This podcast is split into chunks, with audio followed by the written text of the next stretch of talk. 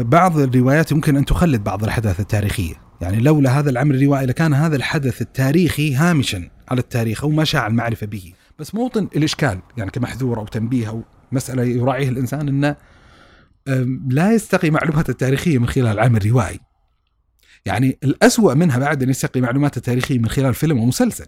أحد المواضع اللي اشكلت علي في قضية الترجمة إن كان في شخصية منتسبة لشركة معينة قاعدين يقيمون لها احتفالية معينة، احتفالية للشخصية هذه.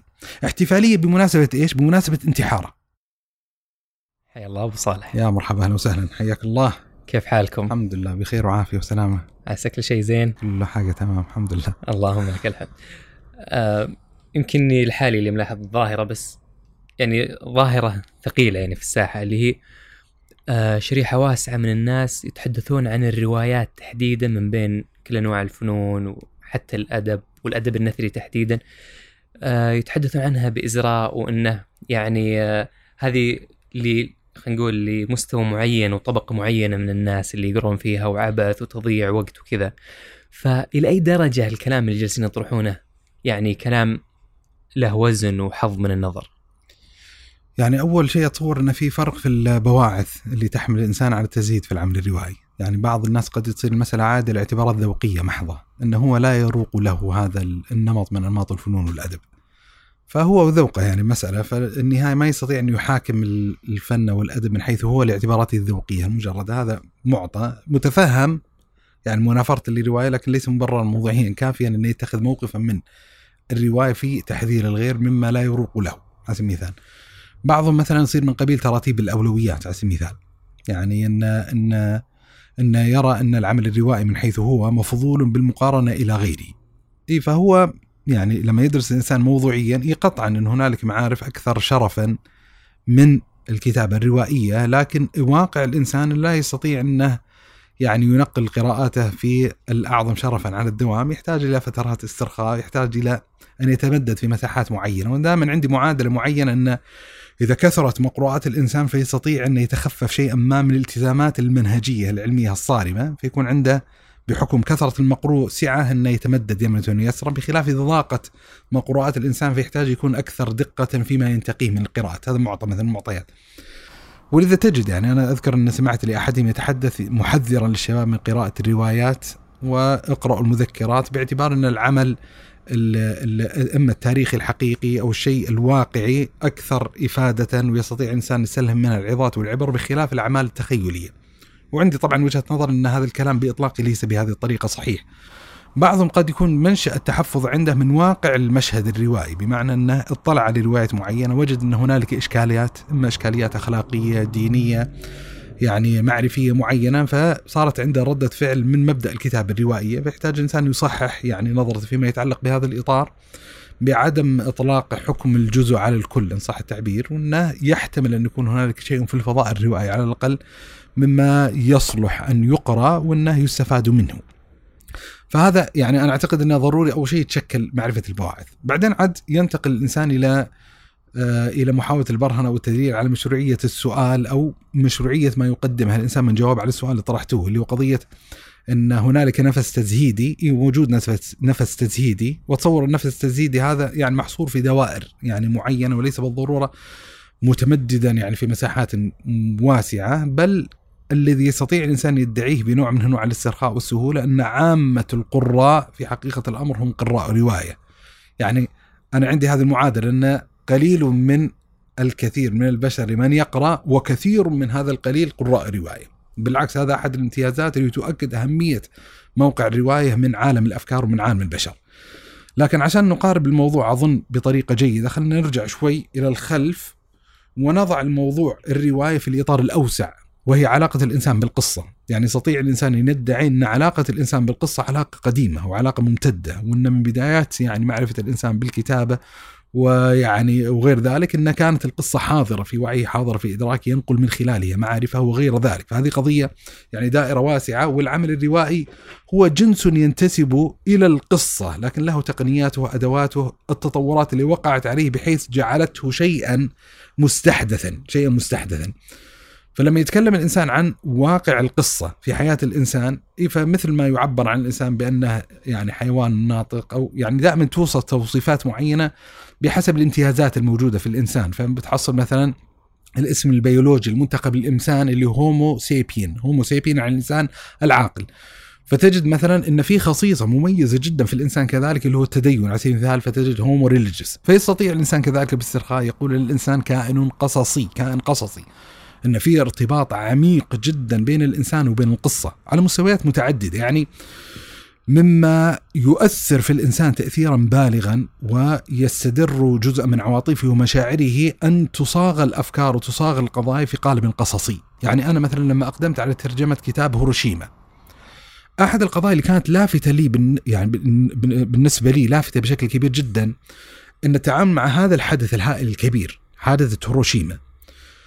لما يقرأ الإنسان الدراسات المتعلقة بهذه القضية تجد ان تحال كل المعطيات المتعلقة بمعادلة هيروشيما إلى لغة الأرقام. يعني يستحيل فيها البشر والناس. ان قتل يعني 150 إنسان تقريبا. يعني في الأيام الأولى قتل يعني عدد معين ثم مع التداعيات المتعلقة عدد الخسائر المادية، المباني، المعنوية، يعني كلها تحجم في لغة الأرقام. وتأثير لغة الأرقام تأثير آه، على المشاعر أو الشعور الانساني ضئيل آه، بخلاف لما يتحدث الإنسان عن جهة التفصيل لكارثة أو مأساة شخص واحد من 150 ألف. يعني إذا استطعت أن تصيغ مأساة رجل تأثر بهذه القضية تتكلم عن أب خسر زوجته وأطفاله على سبيل المثال وتحكي جزء من المعاناة المتعلقة بهذه القضية. يسمع فرضا صرخاتهم في البيت ولا يستطيع أن يفعل لهم شيئا حتى احترقوا و...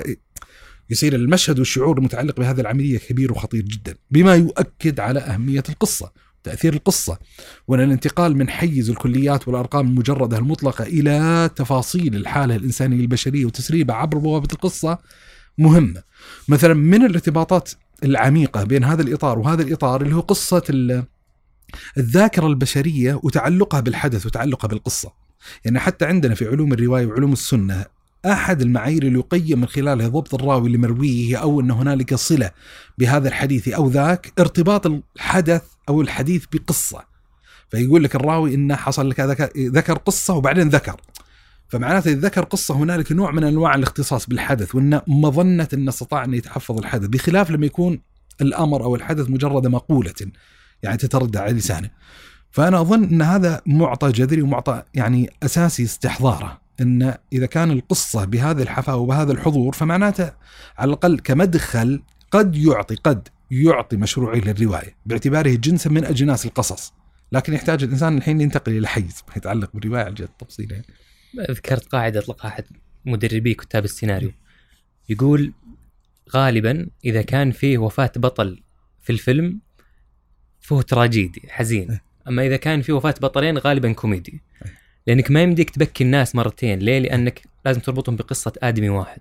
وضرب مثل قال لو مثلا قرأت خبر مثلا آه، مقتل 600 شخص في آه، سلسلة انفجارات في بغداد. ما راح تأثر فيك زي ما يأثر فيك مثلا مقتل الطفلة هدى ذات ست سنوات وهي تلعب بعروستها على أحد شواطئ غزة. هذا بيكون مؤثر لأنه ربطك بحالة الإنسان نفسه. وبدأوا يعني يقننونها ومثلا صار حتى في المعارض يعني قل اسم شخص محدد في مثلا أذكر في معرض آه، مؤسسه آه، بيل وميليندا جيتس في سياتل إنه كل العمل التعريفي بمشاريعهم على كثرة المستفيدين يقول لك واحدة اسمها فلانه الفلاني عايشة في وسط مثلا كيغالي في رواندا آه، كانت تشيل هذا السطل ويجيبون لك إياه. فيعني حالة الربط بالإنسان الواحد يكون يعني أقدر على التأثير يمكن من لما تحشد المعلومات والحقائق وإن كانت يعني من بعيد يبان إنها لا.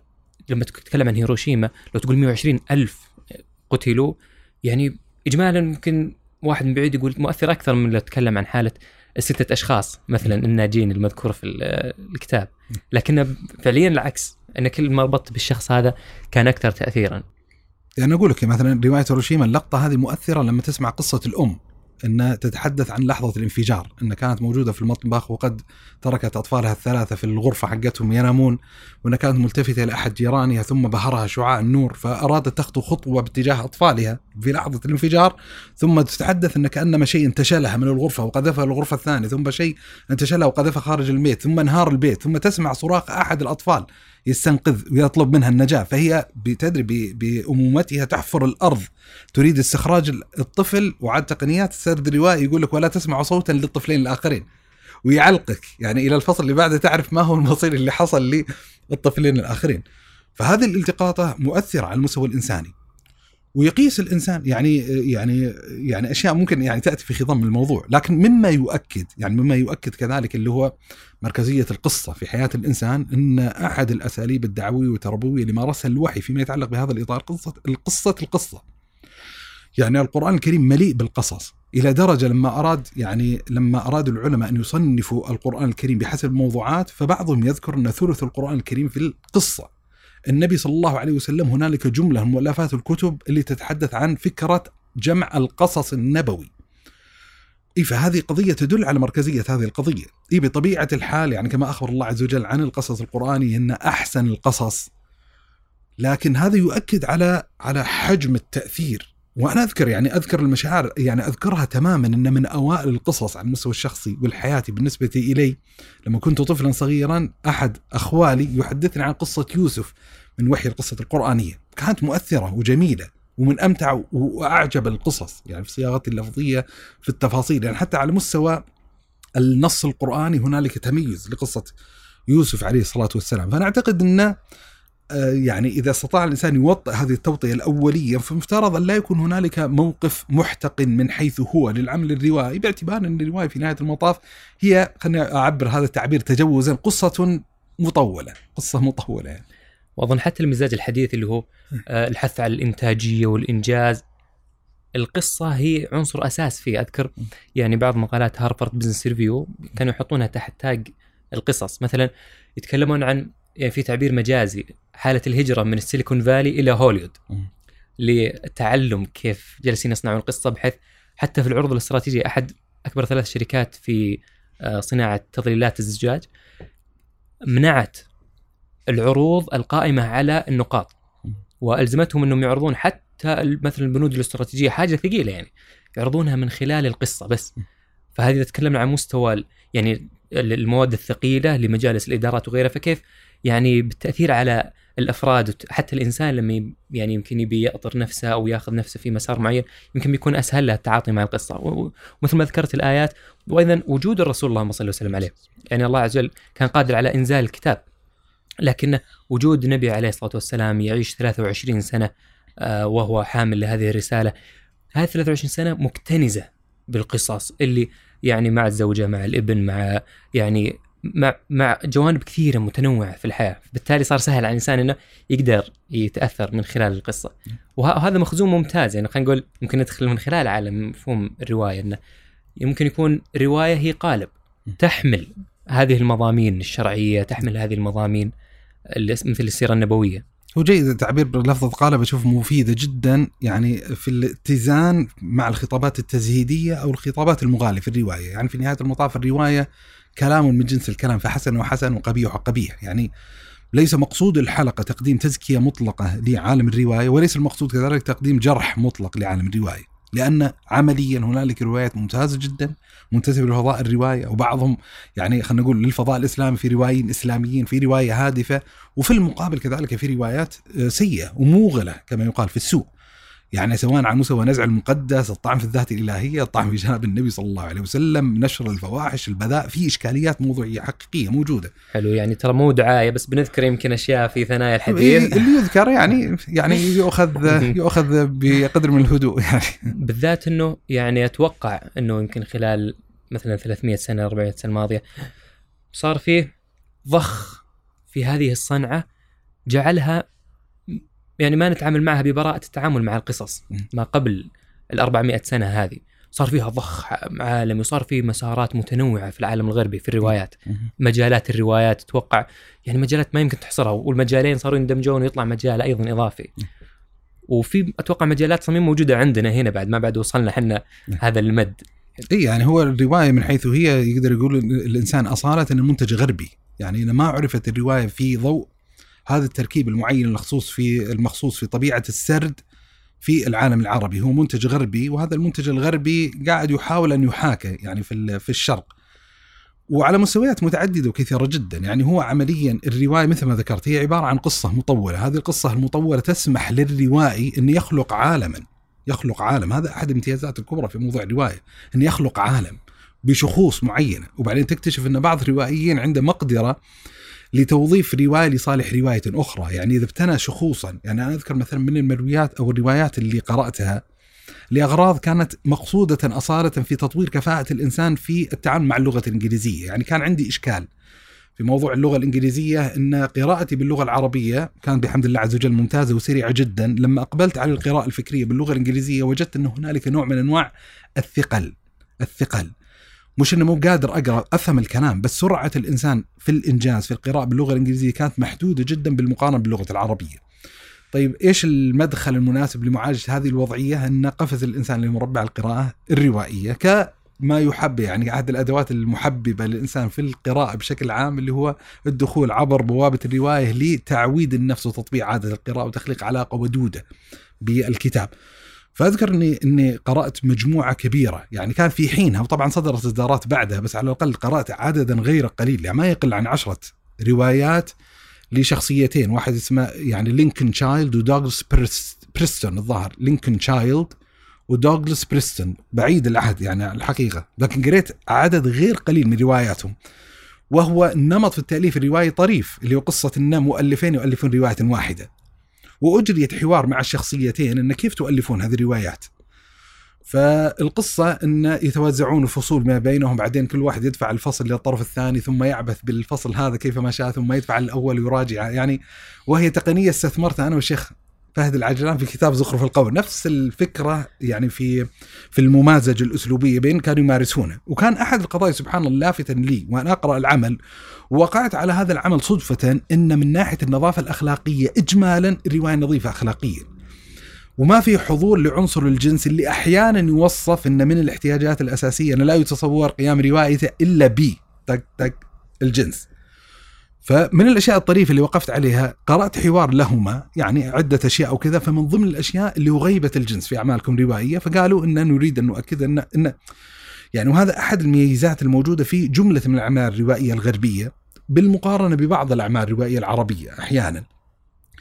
إن تجد ان إن هم يقولون إن لا يريدون أن يفتعلوا قضية من لا شيء، يعني إذا في احتياج يعني في العمل الروائي يتطلب يصير متفهم. لكن أحيانا وهذا للأسف اللي يقع في عدد من الروايات إنه يقحم القضية تحس إقحاما؟ يعني تستطيع أن تبني هيكلة الرواية من غير أن تدخل في هذا المسار أو على الأقل من غير أن تدخل في التفاصيل التفاصيل المتعلقة في. فموطن الشاهد اللي يعني أنا مع اعتذار يمكن يمنى ويسرى لما قريت أعمال هذول يعني أنا أتحدث الحين عشرة فتجد الحين إن هذه روايه معتمدة على بطل فلاني. وبعدين هذه رواية معتمدة على بطل بعدين تقرأ رواية ثالثة تكتشف إنه راح جمع البطل الأول مع الثاني في رواية واحد. يعني فتجد إنه قاعد يخلق عالم وتجد نفسك متعاطفة مع هذا العالم وتجد يعني أحداث وأشياء. مثلا لما تقرأ ستيفن كينج على سبيل المثال نفس القصة. Dark Tower اللي هو البرج المظلم. ما أدري هل ترجم ولا ما ترجم بس الشاهد هي طبعا مجموعة أعمال وتجد أن هذه الفكرة الموجودة في بعض أعمال ستيفن كينج حاضرة في رواية أخرى وأن هذه الشخصية المرعبة الظلامية ترى هي تنتمي إلى الفضاء الفلاني أشبه العالم الموازي في قصص أخبار. فميزه الرواية يعني يعني لما أتكلم عن القصة المطولة أن ترى في في في مجال لبناء عالم لبناء شخوص معينة لخلق حبكة معينة تستطيع ثيمة معينة في فكرة أو مجموعة أفكار مركزيه يريد أن يسربها ال ال ال الروائي لمن يتلقى هذه الرواية وبطبيعة الحال يعني بحسب مدى نضج عقلانية جودة آه، حسن آه، إدارة الإنسان الكتابية لهذا العمل الروائي يتطور كفاءة هذا العمل.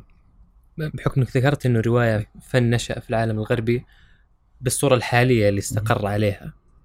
طيب هل هو محمل بحمولات معينة من الثقافة الغربية و يعني المفروض الواحد ينتبه إنه يعني صارت مربوطة بالرواية إيه. صار في علاقة إيه. يعني وطيدة ما بين الرواية وما بين هذه بسبب كونها نشأت عندهم والله ما يعني أنا ميال طبعا يعني تدري في في نزعة موجودة يعني خلينا نقول عند محبي العربية ومحبي الأدب العربي وكذا اللي هو ما بيقول التزهيد بس إن عندهم نوع من أنواع المنافرة وتصور إن دائما انبثق من رحم المجتمع الغربي فبالضرورة هنالك مكونات بنيوية ما هي متوافقة مع الثقافه العربية. بادي الرأي هذا يعني طبعا وجهة نظر يعني أنا أطرحها في المشهد وهي قابلة للأخذ والعطاء والمساجله والمناقشة وإذا عندك اعتراض يعني اعترض وإذا كان اللي يقف خلف الكاميرا عنده اعتراض فليعترض يعني. إن القالب من حيث هو قالب حيادي. يعني قضية الحين يعني لما تفكك أجزاء الرواية إلى معاني مجردة معلقة كذا في الهواء. فالرواية تنبني على شخصيات معينة في حبكة معينة في قالب أسلوبي معين. فبالنسبة لي إن هذه معاني مجردة يعني ما يعني ما في شيء يعني يستدعي التوتر اللي يحصل. بحكم السبق الزمني آه، حصل في تطور شديد في عالم الرواية في المجتمع الغربي. يعني بحيث زي ما ذكرت انه في أجناس وأنواع وتصنيفات يعني أنا ما أنسى اللقطة والمشهد إني ذهبت مرة إلى كندا ودخلت عندهم مكتبة كبيرة جدا لها سلسلة فروع كثيرة اسمها شابترز وهذه أحد يعني الامتيازات الموجودة في المكتبات الغربية. لما دخلت المكتبة رحت قسم الروايات. ففي باعة يعني من من حقين المكتبة موظفين.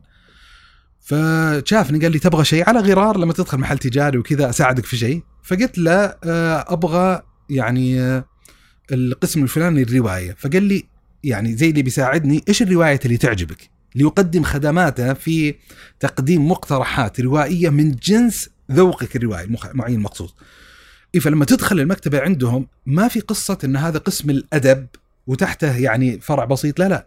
تدخل ما في أصلا قسم رواية. اللي صاير عندك اللي هو طبعا fiction و non-fiction إنه خيالي وغير خيالي. وبعدين تدخل ال fiction تكتشف إنه موزعة بحسب التصنيفات اللي ممكن في مخيال أو يعني في ذاكرة أو في وعي المتلقي اللي يسمع الحلقة الأفلام. قضية إن إن في روايات رعب horror وفي thriller وفي روايات رومانسية وفي روايات يعني الشاهد إنه إنه موزع بهذه التصنيفات. فهذا جانب معين. الإشكال اللي أظنه يعني فعلا يحتاج نوع من أنواع الملاحظة في الوسط العربي. المسألة ليست عائدة فقط إلى وجود يعني امتداد تاريخي لعالم الرواية في المجتمع الغربي، في مشكلة أخرى موجودة أن الثقافة العالمية الغالبة اليوم هي الثقافة الغربية. وأن المنتج الغربي هو المنتج المتمدد عالميا. بحيث إنه يعيد صياغة وتشكيل عقولنا ووعينا وتفكيرنا بشعور وغير شعور، يعني نحن لما نقارب العمل الروائي لا نقارب العمل الروائي يعني آه لهذه الجزئية المعينة المخصوصة مسار العمل الروائي، يعني هو المنتج الوحيد الذي نتلقاه من الغرب، لا إحنا نتلقى من الغرب شيئا أكثر حضورا وتاثيرا على الأقل في الوعي الاجتماعي العام مسلسلات وأفلام على سبيل المثال. هذه المسلسلات والأفلام تخلق عندنا مخيالا بحيث إن نتصور الغرب على طبيعة معينة تسمح لنا أن نتعقل تفاصيل العمل الروائي بطريقة معينة متوافقه مع هذه المعطيات، يعني أنا لا أجد في نفسي غضاضة لما يت... لما يكتب كاتب غربي عن رواية رعب، لما أقرأ ستيفن كينج ماشي تمشي تمشي الحياة. إذا جاء كاتب عربي يبي يكتب رواية رعب تحس غريب شوي لأنك أنت منغمس في هذا السياق الثقافي المعين المخصوص فتحس ما عندنا القصة بالطريقة هذه. مثلا لما تتكلم عن عن عن الأعمال البوليسية الغربية. يعني أنا قرأت أظن إني قرأت كل أعمال أغاثا كريستي على الأقل اللي ترجمت من خلال آه، مكتبة الأجيال. هي الطبعة الأجود والأحسن والأفضل وقرأتها قديما يعني. وكانت لذيذة وممتعة في حينها وفي وقتها. بعدين لما طلع الإنسان على الروايات الأكثر تركيبا وتعقيدا اكتشف تعقيد الحبكة بالمقارنة ببساطة يعني الحبكة الموجود في أعمال أغاثا. لكن موطن الشاهد إن لما تقرأ أعمال بوليسية تقدر تتعقل يعني ذلك الضابط أو يعني المحقق يعني اللي يتنبه بوارو ولا الانسه ماربل ولا لما تريد إسقاط على المجتمع القريب أحيانا تحس في فوارق موضوعية، مثلا ابتني يعني في المخيال على سبيل المثال الغربي وفي مؤلفات وكتب ودراسات نفسية ما يتعلق بالشخصية السايكوباثية وما يتعلق ب the serial killer اللي هو القاتل المتسلسل اللي يقتل كذا ويقتل كذا ويقتل وحسب الأمزجة الموجودة امرأة شقراء مدري إيش وكذا أو يقتل الأطفال بطريقة أو فخلاص دخل في وعيك ومخيالك إن ترى المجتمع الغربي موجوده هذا النمط من الشخصيات بحيث لما تقرأ رواية يكون يعني الشخصية مثل المحورية الموجودة فيها هي شخصية قاتل متسلسل بالع الموضوع وتمضي فيها بطريقة سلسه وجيدة. لما تقرأها يعني ما تحس في نوع من أنواع الصعوبة، في نوع من أنواع الصعوبة، يعني أحد الأصدقاء مرة أراد أن يعني يعني كان يستشير انه يأخذ ويعطي معي في كتابة عمل روائي. متعلق بالفضاء العربي يمرر منه قيمة رساليه معينة ويتحدث عن جريمة معينة وكيف إن هذا الإنسان يعني فلان قتل والدته وكذا وفي ملاحقات ومتابعة وألغاز تفك وكذا. فأنا أقرأ وأشعر بالشعور الآتي إن لو كان هذا المنتج بين قوسين باللغة الإنجليزية من وحي الثقافة الغربية كان مش الحال صراحة. بس أحس هنا إن الشخوص والرموز والأسماء والأماكن لا تساعد كثيرا على هذه القضية. أظن مثلها الخيال العلمي. أيوه يعني- science fiction أي العالم الغربي مثلا مشحون عبر وكالة أي. ناسا ويعني الهبوط على القمر كانت لحظة تاريخية أي. حتى على المستوى الشعبي في الشارع أي. إن قدرنا نهبط فالهموم هذه والأفلام اللي يعني تشحن الناس باتجاه وش بيصير في المستقبل وغرائب المستقبل تجعل الإنسان سهل إنه يعني يتعاطى مع رواية تتحدث عن الخيال العلمي لكن لما مثلا يقرأ رواية عن خيال علمي وشخص يطلع إلى كوكب نبتون مثلا بس اسمه مشاري بي بيلقى مشكلة. هذا اسم كان. اسمه مشاري تحديدا لأنه هو ضرب مثال وقال عزام أنا بقول أو إنه مثلا آه، لكن لو كان نيكولاس ووكالة ناسا حتى لو بالعربي يعني بيقدر يبلعها الواحد لأنها يعني فيه عالم مخلوق كامل في هذا ال... هذا اللي قصدي ان في سياق يعني خلق أصلا في الواقع الحقيقي الموجود قاعد. يأثر في تصورات المتعلقه يعني. مثلا تقدر تتفهم يعني يعني وجود كا يعني فرضا كائنات فضائية ورواية تتعلق فيها. وكذا بس تجد صعوبة أن يصير نوع من أنواع التفاعل مع هذه القضية. طبعا اللي يأكد إشكالية هذه النقطة اللي هو السياق الغربي وضغط الثقافة الغربية في وعينا وإدراكنا ان بعض الشباب ممن يريد أن يتقحم هذا الباب، وفي ترى بالمناسبة في روايات رعب وفي روايات بوليسية وفي في نوع من أنواع المحاكاة الموجودة، لما اشتهرت رواية دان براون على سبيل المثال شفرة دافنشي في يعني بعض الروايات العربية اللي حاولت أن تحاكي هذا النمط البوليسي. في الملاحقة والمتابعة ومحاوله فك الألغاز معينة لكف لكشف شفرة التاريخ وقصص معينة. ال- المعضلة يعني اللي اللي اللي اللي تحصل لبعض الشباب أحيانا إنه ينغمس في حالة المحاكاة بحيث يقع في فخ إشكاليات معينة في استجلاب نموذج ثقافي مش الحين القالب نموذج يعني محتوى ثقافي معين ويصب داخل العمل الروائي الأجنبي على الحاله الثقافيه المنتسب اليها، يعني أنا عجبني تعليق للطبيب الدكتور آه، عدي الحربش. في لقاء في ثمانية لما تكلم عن ال- الجن في المخيال العربي والجن في المخيال الغربي. وأن تجد لما تتحدث طبعا يعني كأنما مقابلة طبعا يحصل أحيانا في الروايات نوع من أنواع التفريغ في الفضاء الغربي. وأن أحيانا لما يكتبون جن لا يقصدون جن يعني من وحي التراث العربي الإسلامي. وإن يستخدمون مفرد ال demon. على سبيل المثال للتعبير عن يعني ما نسميه الشيطان أو الشياطين في المخيال الغربي. بس بغض النظر يعني كأن المقابل الموضوعي للجن في تراثنا اللي هو ال demons أو الشياطين في تراثي. فتجد دائما إن في نوع من أنواع ال- ال- القراءة السوداوية ل خلينا نتجاوز نقول لفضاء الجن وعالم الجن. وإن إذا كان بيت في مسكونا بالجن فيعطيك إيحاءات وال ghost على سبيل المثال أشباح وقصص معينة. في حين في التراث العربي ترى علاقة البشر والإنس في سياقنا العربي حتى في السياق الإسلامي ترى العلاقة مختلفة مع عالم الجن وإن ترى يعني منهم الصالحون ومنهم الفاسدون وترى ليس كلهم شياطين وترى تحصل أحيانا حوارات وتصلح قصص تحصل قصص وأخبار وتداعيات متعلقة وادي عبقر تروح تنام فيه تقوم عندك قصيدة أعطاك إياها جني وعادي إذا تشابهت قصايدنا أقول أوه شكل اللي جاني هو نفس اللي جاك يعني يتعاملون بشكل طبيعي إنه. إيه، فهذا اللي أقصده انه انه جو- يعني ليس مناسبا أو يعني مما يحسن التنبيه عليه على الأقل انه ليس بالضرورة أن الإنسان إذا بلع وقبل بالقالب الروايه انه يبتلع جزءا من المحتوى، جزءا من المحتوى، ليش ما تأخذ بالقالب وتحاول أن تطور كفاءة القالب لخدمة محتواك، لخدمة أفكارك، أنا أعتقد هذه قضية جيد التنبيه عليها. حلو. طيب يعني إحنا جالسين نقول إن هذا القالب ممكن تأخذه وتعبيه بشكل ممتاز. طيب أصلا وش فائده هذا القالب؟ وش ميزة هذا القالب عن باقي القوالب؟ ليش الرواية تحديدا؟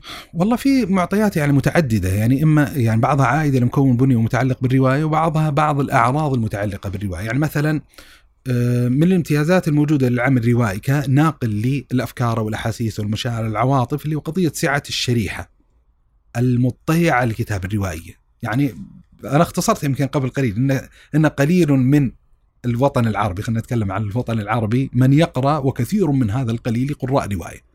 وأي واحد يطل على عالم معارض الكتب يدرك حجم حضور الأعمال الروائية. ولست بصدد تقييم جودتها من سوءها بس أنا قصدي إن هذا معامل موضوعي يستدعي من الإنسان ملاحظة هذا الفضاء. وإن ترى هذه أحد القنوات التواصلية المهمة جدا مع شريحة مجتمعية واسعة جدا.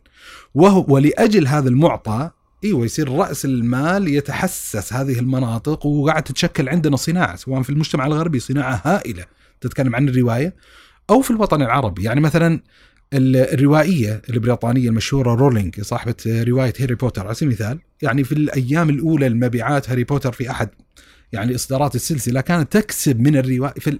تكسب أنا ناس الرقم الحين يعني تحاسبني هل هي في الثانية أو في الدقيقة يمكنها في الثانية تكسب 25 ريال تقريبا في الأيام الأولى. يعني اليوم الأول بيع من الرواية 11000 أه 11000 يعني حلو 11 11 مليون. 11 مليون. يعني يعني آه، في فترة من الفترات يعني من رواية كوخ العم تام آه، كوخ العم توم. هذه الرواية لما خرجت يعني وصارت يعني إحدى روايات ذلك القرن كان الكتاب رقم اثنين من كتب من حجم مبيعات ذلك القرن يتلو الكتاب المقدس عندهم the Bible وانت تدرك ان ترى بعض الأعمال الروائية قد للأسف يكون عدد المنتج المطبوع منها يفوق عدد ما طبع من كتاب الله عز وجل. فضلا عن صحيح البخاري وصحيح مسلم أو غيرها من الكتب. فهذا الحين قضية معامل أساسي جدا. إذا كانت الشريحة بهذه الضخامة فمن المهم جدا أن يسترعي الانتباه أن ترى هذه أحد القنوات الموصلة إلى هذه الشريحة. هذا الامتياز الأول. مثلا من الامتياز الامتيازات الأساسية جانب الإمتاع. ان أن ما هو السبب الذي يدعو كثير من الناس أن يقرأوا الأعمال الروائية؟ أيوه اللي هو جانب الخفة، جانب الإمتاع، جانب التلذذ، تطلب الترفيه عبر القناة الروائية. فهذا أحد الأسباب الأساسية، فهذا امتياز إن أنت تستطيع أن تسرب معرفة للقارئ في قالب جذاب، في قالب ممتع، في قالب مستمتع، بعض الروايات ترى ضخمة. يعني أنا من الروايات اللي قراتها في عصر الكورونا في أزمة كورونا رواية اسمها The Stand حق ستيفن كينج، The Stand الوقفة. الرواية هذه يعني يعني الرواية يعني خلني على طريقة الاستطراد الأخذ هذه الرواية The Stand سبحان الله كانت مصادفة لكنها مناسبة جدا لأزمة لأجواء أزمة كورونا. الرواية فكرتها الأساسية إن هنالك فيروس ضرب البشرية وإن نسبة النجاة من هذا الفيروس متدنية جدا جدا جدا جدا يعني الفيروس استطاع أن يقضي على كل البشرية تقريبا. عدا عدد محدود جدا وبعدين تصير تفاعلات معينة. ما اخفيك وأنا أقرأ الرواية صرت متفائل جدا من الواقع الحمد لله لا بالعكس شعرت والله شعرت بنعمة الله عز وجل علينا بكورونا إن أنت أمام فيروس فيروس معين آه سريع الانتشار لكن في المقابل حجم الوفيات منه تعتبر متدنية جدا بالمقارنة بسعة الانتشار القائم موجود فيه. فكان يحصل في خاطر الإنسان إنه لو قدر إن وجود فيروس بحجم انتشار فيروس كورونا ومع ذلك حجم الوفيات اللي منه تشكل عالي جدا.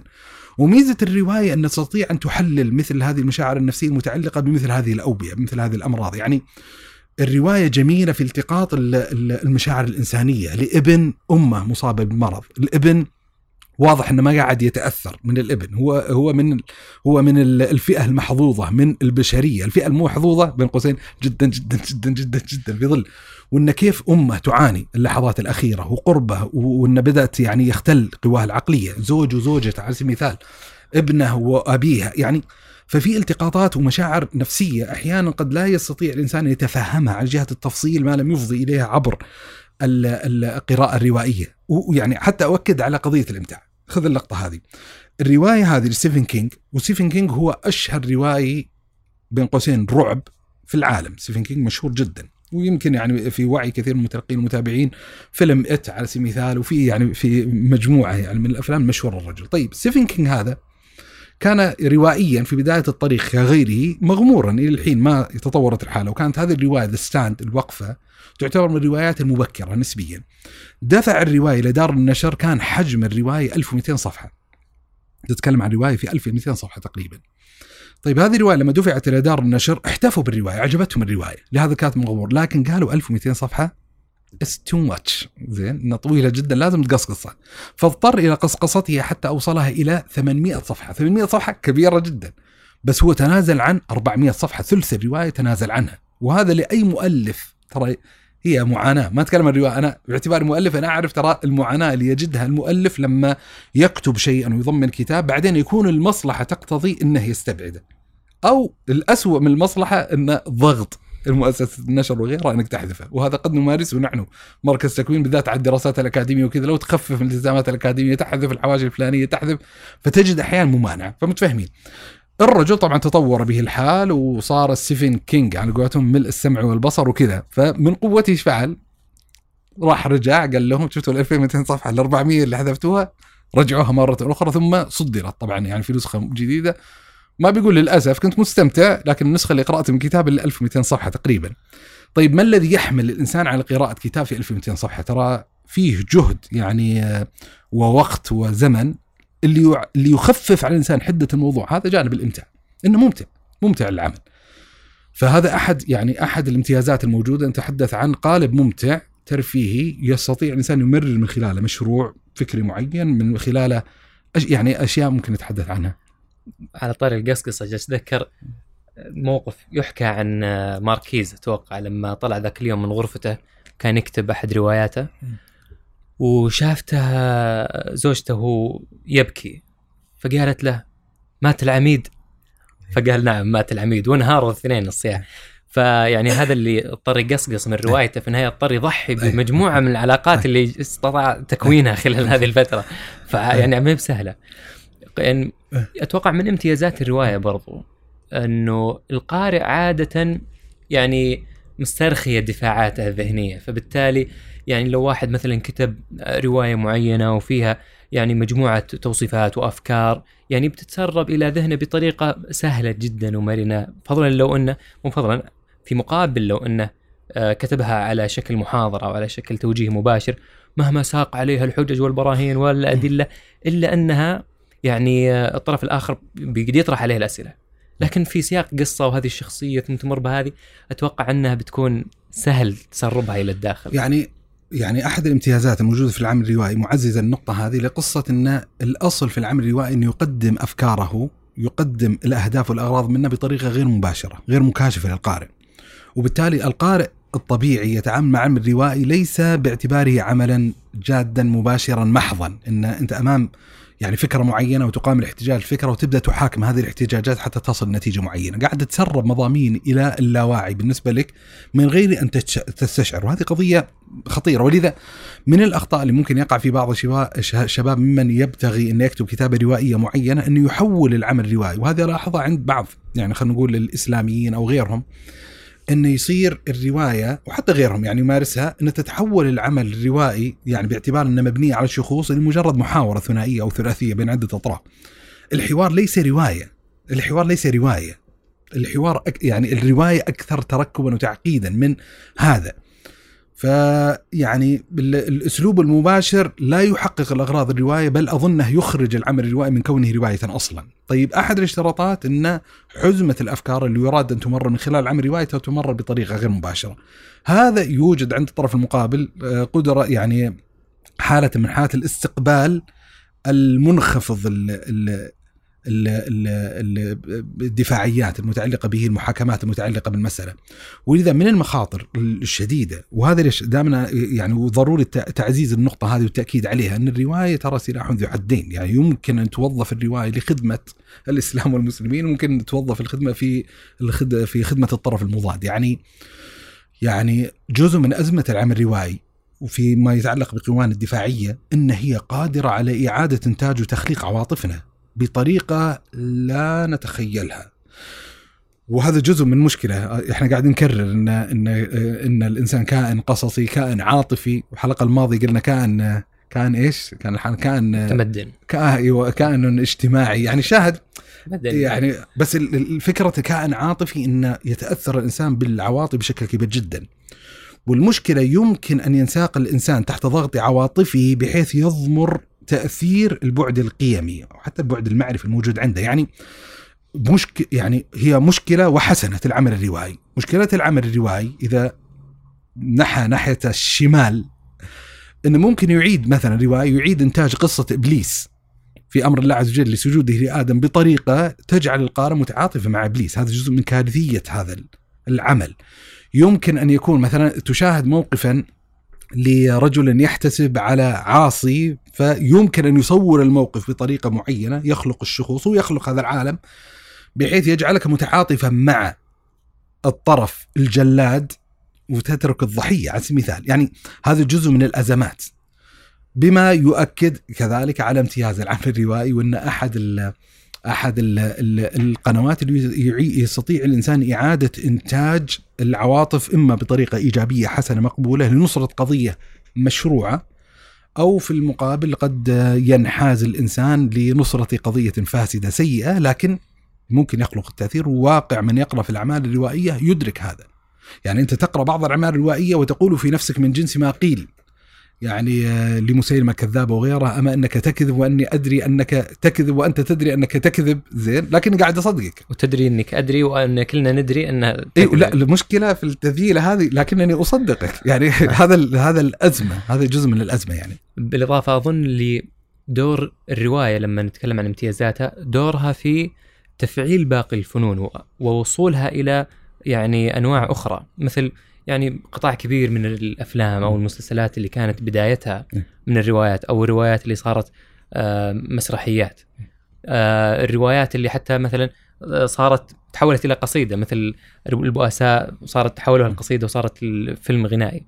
ف يعني دور الرواية ليس من الأدوار اللي أحيانا تكون في ثمرة عمل فني هي أيضا ممكن تكون جذع مجموعة أعمال فنية. لكن يعني هنا بعد خلينا نرجع للمشكلة اللي يمكن موجودة ضمن قالب الرواية يعني حتما فيها اللي هي بما أنها عمل فني والأعمال الفنية يعني آه، يحكى أنها ينبغي أن تكون نابعة من القلب، نابعة من التجربة العاطفية، التجربة الذاتية، بعيدا عن القصد والغرض اللي يحاول استحضاره الإنسان قبل كتابة الرواية. هذه من جهة ما فيها تعزيز عالي للذاتية، فيها يعني خلينا نقول حالة من تضخيم النرجسيه معينة. حالة من يعني في في أزمات مروا بها الكثير من الروائيين خلال يمكن القرن الماضي وتحدثت إليزابيث جilbert عن إنه قائمة المنتحرين خلال الفترة خلال القرن الماضي. إذا ما كانوا فنانين ففي فنانين يعني طبعا في فنانين لكن في فنانين انتحروا ولو بشكل غير مباشر عبر الاكتئاب اللي مروا به بعد أعمالهم الفنية والسبب إنه يعني إذا سوى العمل الفني اللي هو مثلا رواية وضبطت جت نرجسيه ثم اللي بعده ما ضبطت جاء اكتئاب وراح فيها. أو من الرواية الأولى لما كتبها وجاء إحباط وراح فيها. ليه؟ لأنها مرتبطة بالذات فيها ذاتية عالية جدا. وحتى أحد أهم القواعد اللي أظن مكتوبة في كتاب لياقات الكاتب اللي هو طف عقلك الواعي. عقلك الواعي هذا اللي بيقعد يقصقص ويقول هذه هذه غير أخلاقية وهذه ما أدري وش. لا لازم لازم يكون في تعبير عن المكنونات كما هي. تقدم للقارئ كما هي. فمن جهة ما في إشكال في إشكالين يعني. إشكال الأول أنه يعني في سياق الدعوة إلى أن تكون الرواية هادفة. لن تكون هادفة بهذا المفهوم لأنها ينبغي أن لا تكون هادفة. إذا كانت هادفة هي بتخرب أصلا. لكن ممكن تكون أنت هادف ثم أنت إذا كنت أنت إنسان هادف ورسالي حقيقي في داخلك فهذه الرسالة ستنعكس على عملك الفني لأنك أنت عبرت عن مكنوناتك مكنوناتك مهمومة بهموم معينة فهذه الهموم هي اللي صارت الرواية في النهاية. و... ويمكن المشكلة الثانية قضية يعني في دعوة إلى عدم التحرج من ذكر كل شيء. أنت مريت بتجربة وغالبا أنت بتكتب رواية ما أنت بكاتب رواية عن آه، يعني زحمة مريت بها بتكتب عن يعني أزمة عاطفية أو أزمة يعني مخالفة لمبادئ وأفكار. فالتعبير عنها يعني يشكل حالة من تطبيعك أنت معها ككاتب لها وتطبيع للمجتمع معها. فبالتالي يعني يمكن هذا العنصر من الرواية اللي هي ان اكتب كل شيء واعبر عن ما تراه مشكلة كما هو. يمكن يعني بعد يعني من خلاله يتم يعني خلينا نقول تطبيع مجموعة من خلينا نقول السلوكيات الخاطئة. ليه؟ لأنه لا لازم تطفي عقلك الواعي. فأتوقع هذه يمكن مرتبطة بالروايات. طبعا اتصور ممكن نناقش عنصر مستقبلا اللي هو قضية كيف نقرأ الرواية. يعني بحيث إنه لا يعطل الإنسان عقله الواعي أثناء القراءة بالعكس يحتاج إنه يحفز قواه العقلية حتى يستثمر قراءة الرواية قراءه بشكل مميز، لكن أحد امتيازات العمل الروائي أذكر طلعت على مقالة جميلة الحقيقة وأنصح بقراءتها خصوص موضوع الرواية أو القراءة الأدبية بشكل عام عنوانها لماذا نقرأ الأدب؟ لماذا نقرأ الأدب لماريو برغاس يوسا. المقالة موجودة مترجمة في كتاب داخل المكتبه خارج العالم للصديق المترجم الأستاذ راضي الماصي. موجود المقال وأنصح الحقيقة مراجعته مقاله لطيفة لكن أحد الأفكار اللافته حقيقه وجميله وممكن أنها جدليه إلى حد ما. يتحدث آه، ماريو في المقالة إن إن عند نوع من أنواع المغالاة في فكرة التخصصية. واضح ترى حجم تشعب العلوم وتشظيها ترى يزداد بوتيرة غريبة جدا بوتيرة فهو يقدم أحد الامتيازات للعمل الأدبي أو الروائي على وجه الخصوص أن الروائي قادر على تذويب الجدران الفاصلة بين التخصصات. طبعا وأنا مقتنع أن إنه يحتاج من يمارس هذا الدور إلى كفاءة معرفية وعلمية وخلفية في في اعتبارات وامتيازات موجودة اشتراطات موجوده حتى يقدم منتجا يليق يعني كما يقال بالمشهد وإلا عندنا جزء من المأزق إنه يتقحم الإنسان باب الرواية ليسرب أفكار وهو ضحل على المستوى الفكري والمعرفي وتجيك منتجات مشوهة على مستواها المعرفي. لكن موطن الشاهد اللي يذكره إن عندنا تخصصات كثيرة. ميزة الروائي إنه يستطيع انه يذيب هذه التخصصات في قالب واحد إنه يتنقل من هنا ومن هنا ومن هنا وتصير مثل هذه العملية مغتفرة عند المتلقي والقارئ فهذا يعني أحد المعاني كذلك اللي أعتقد تعطي نوع من أنواع الامتياز لقضية العمل الروائي. إحنا جالسين نتكلم عنها ونتحدث عن الجانب الإمتاع فيها لكن هل يقدر الإنسان يكون عنده مشروع فكري والقالب اللي استعمله هو قالب الرواية بس؟ والله في يعني في عدد من الروايات اللي يعني يعني على المستوى الشخصي ترى عدد الروايات اللي قرأتها اللي فيها مشروع ما مضمن يخاطب عقل الإنسان اللاواعي يريد هذا أكثر بكثير جدا من الأعمال الروائية التي تقدم آه، قصة لمحض القصة كذا يعني مجرد توصيف علاقة من غير أن يريد الإنسان أن يمرر وهي جزء أيضا خاضعة التحيزات اللي يصعب على الإنسان الانفكاك منها، إن هنالك حزم الأفكار أصلا ينطلق الإنسان منها فبتنعكس بشعور منها وبغير شعور داخل مضامين عمل الروائي، لكن ممكن تتفاوت. يعني جرعة المشروع الفكري المضمن داخل القالب الروائي ممكن يتفاوت ما بين رواية ورواية، يعني أنا أذكر على سبيل المثال من ال ال الروايات اللي قرأتها رواية عنوانها The State of Fear The State of Fear وترجمت في مكتبة جرير اسمها حالة رعب، طبعا مؤلف الرواية هذه أنا ناسي اسم المؤلف اسمه مايكل كريتشتون ناسي اللي هو صاحب رواية The Jurassic Park اللي اللي صارت إلى فيلم هو نفس الرواية المشروع الفكري الموجود في الرواية اللي هو مناقشة الجدلية وسجال العارم الحاصل في ظاهرة الاحتباس الحراري اللي هو يعني المشهور إن أغلبية العلمية الساحقة ان ان إن في احتباس حراري في مقابل يعني حضور لانها قضية جدلية موجودة ومبكرة الرواية نسبيا. فهو قاعد يدرس هذه القضية كمشروع فكري. يعني القالب اللي صب فيه هذا المشروع الفكري اللي هو معالجة مناقشة ظاهرة الاحتباس الحراري أنت تقراه في عمل هو يقترب إلى حد ما من الأعمال الإثارة أو أعمال البوليسية وملاحقة وأن في مؤسسة لرعاية البيئة متطرفة وتمارس أعمال معينة لمحاولة إقناع البشرية. يعني وتقرأ قصة أنت تكتشف أن القالب تستطيع أن تمرر من خلال هذه الحبكة جملة من المشاريع بس هو الحين هذا المشروع اللي مضمنه واللي يلفت نظري في بعض الكتاب الغربيين أن على أساس يقدم منتج روائي محب معبأ بمضمون فكري معين فإنه يعني يقوم بالواجبات البحثية لهذا المشروع الفكري، يعني مثلا صاحبنا هذا آه، صاحب رواية State Fear إيش سوى؟ تقريبا ثلاث سنوات وهو يدرس ما يتعلق بظاهرة الاحتباس الحراري. وما أخلى آخر الكتاب بعد ما انتهت الرواية من من فهرسة للأوراق البحثية اللي اطلع عليها من أجل تأسيس المعارف والعلوم الموجود داخل هذا العمل الروائي.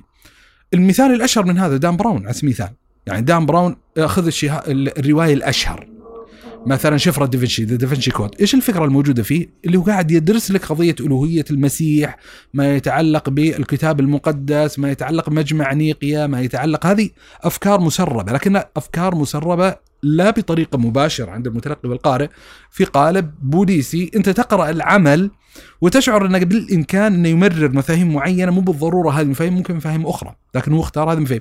هو الرجل نفسه يتحدث انه ترى زار المتاحف والأماكن والمقابلات وكذا لمدة سنتين تقريبا قبل ما يخطو خطوة في كتابة روايتي. روايتي Angels and Demons الملائكة والشياطين يناقش علاقة العلم بالكنيسة، علاقة العلم بالدين، هذا هو المشروع الفكري المضمن في طيات هذا العمل الروائي.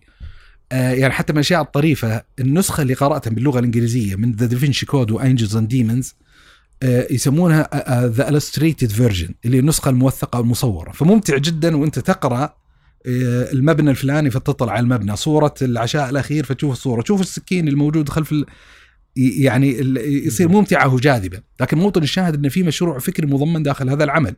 وكل روايته تقريبا يعني مثلا تمسك روايته الرمز المفقود. طيب الرمز المفقود يتكلم عن إيش؟ يتكلم عن الماسونية. الجحيم يتكلم عن عن دانتي على سبيل المثال. آه روايته الأخيرة The Origin ولا Origin الاصل أو المبدأ. رواية يعني بين قوسين ليست جيدة بموضوع فكري دعوة للالحاد يعني ما أدري عن الرجل الحين لأنه في بدايات الأمر ما كان منفكا عن قضية التدين والإيمان بالنصرانية. الآن ما أدري قال إليه حاله بس بغض النظر آه، يعني آه، الشاهد إنه هو يضمن. ومثل ما أكدت انه بحسب طبيعة المشروع الفكري قد تكون مشروعا فكريا حسنا مقبولا فيصير ممتاز جدا. لكن في المقابل قد قد يسبب الإنسان نوع من أنواع الإضرار. طبعا دان براون على ذكرى يعني من مشكلاتي الآن مع دان براون اللي هو قضية التكرار. يعني تحس نفس الثيمة نفس البطل ولازم في أنثى وبعدين الملاحقة البوليسية بحيث تستطيع التنبؤ بكثير من مسارات الأحداث القائمة الموجوده لأن نفس الثيمة موجودة في شفره دافنشي الملائكة والشياطين الرمز المفقود. طبعا كان الظاهر عنوانه آه شيء ذكي شيء ناسي قديما هذا. بعدين آه الجحيم Inferno بعدين الرواية الأخيرة. تحس نفس الثيمة الموجودة ما عنده قدرة على الخروج والانعتاق عن أسر هذه القضية بالذات إذا كان يتناقش في البطل الشخصية. وإلا مثلا لما تقرأ Digital Fortress أحد التقنيات السرد الروائي الطريفة اللي هو ان في بطلين للرواية والمراوحة بينهما. يعني فصل هذا تأخذ فلان بعدين الفصل اللي بعده فلانة بعدين الفصل فلان بعدين ففي يعني مفترض ان عند المكر الخروج والانعتاق عن أسر هذه القضية. حساك قريت اسم الوردة؟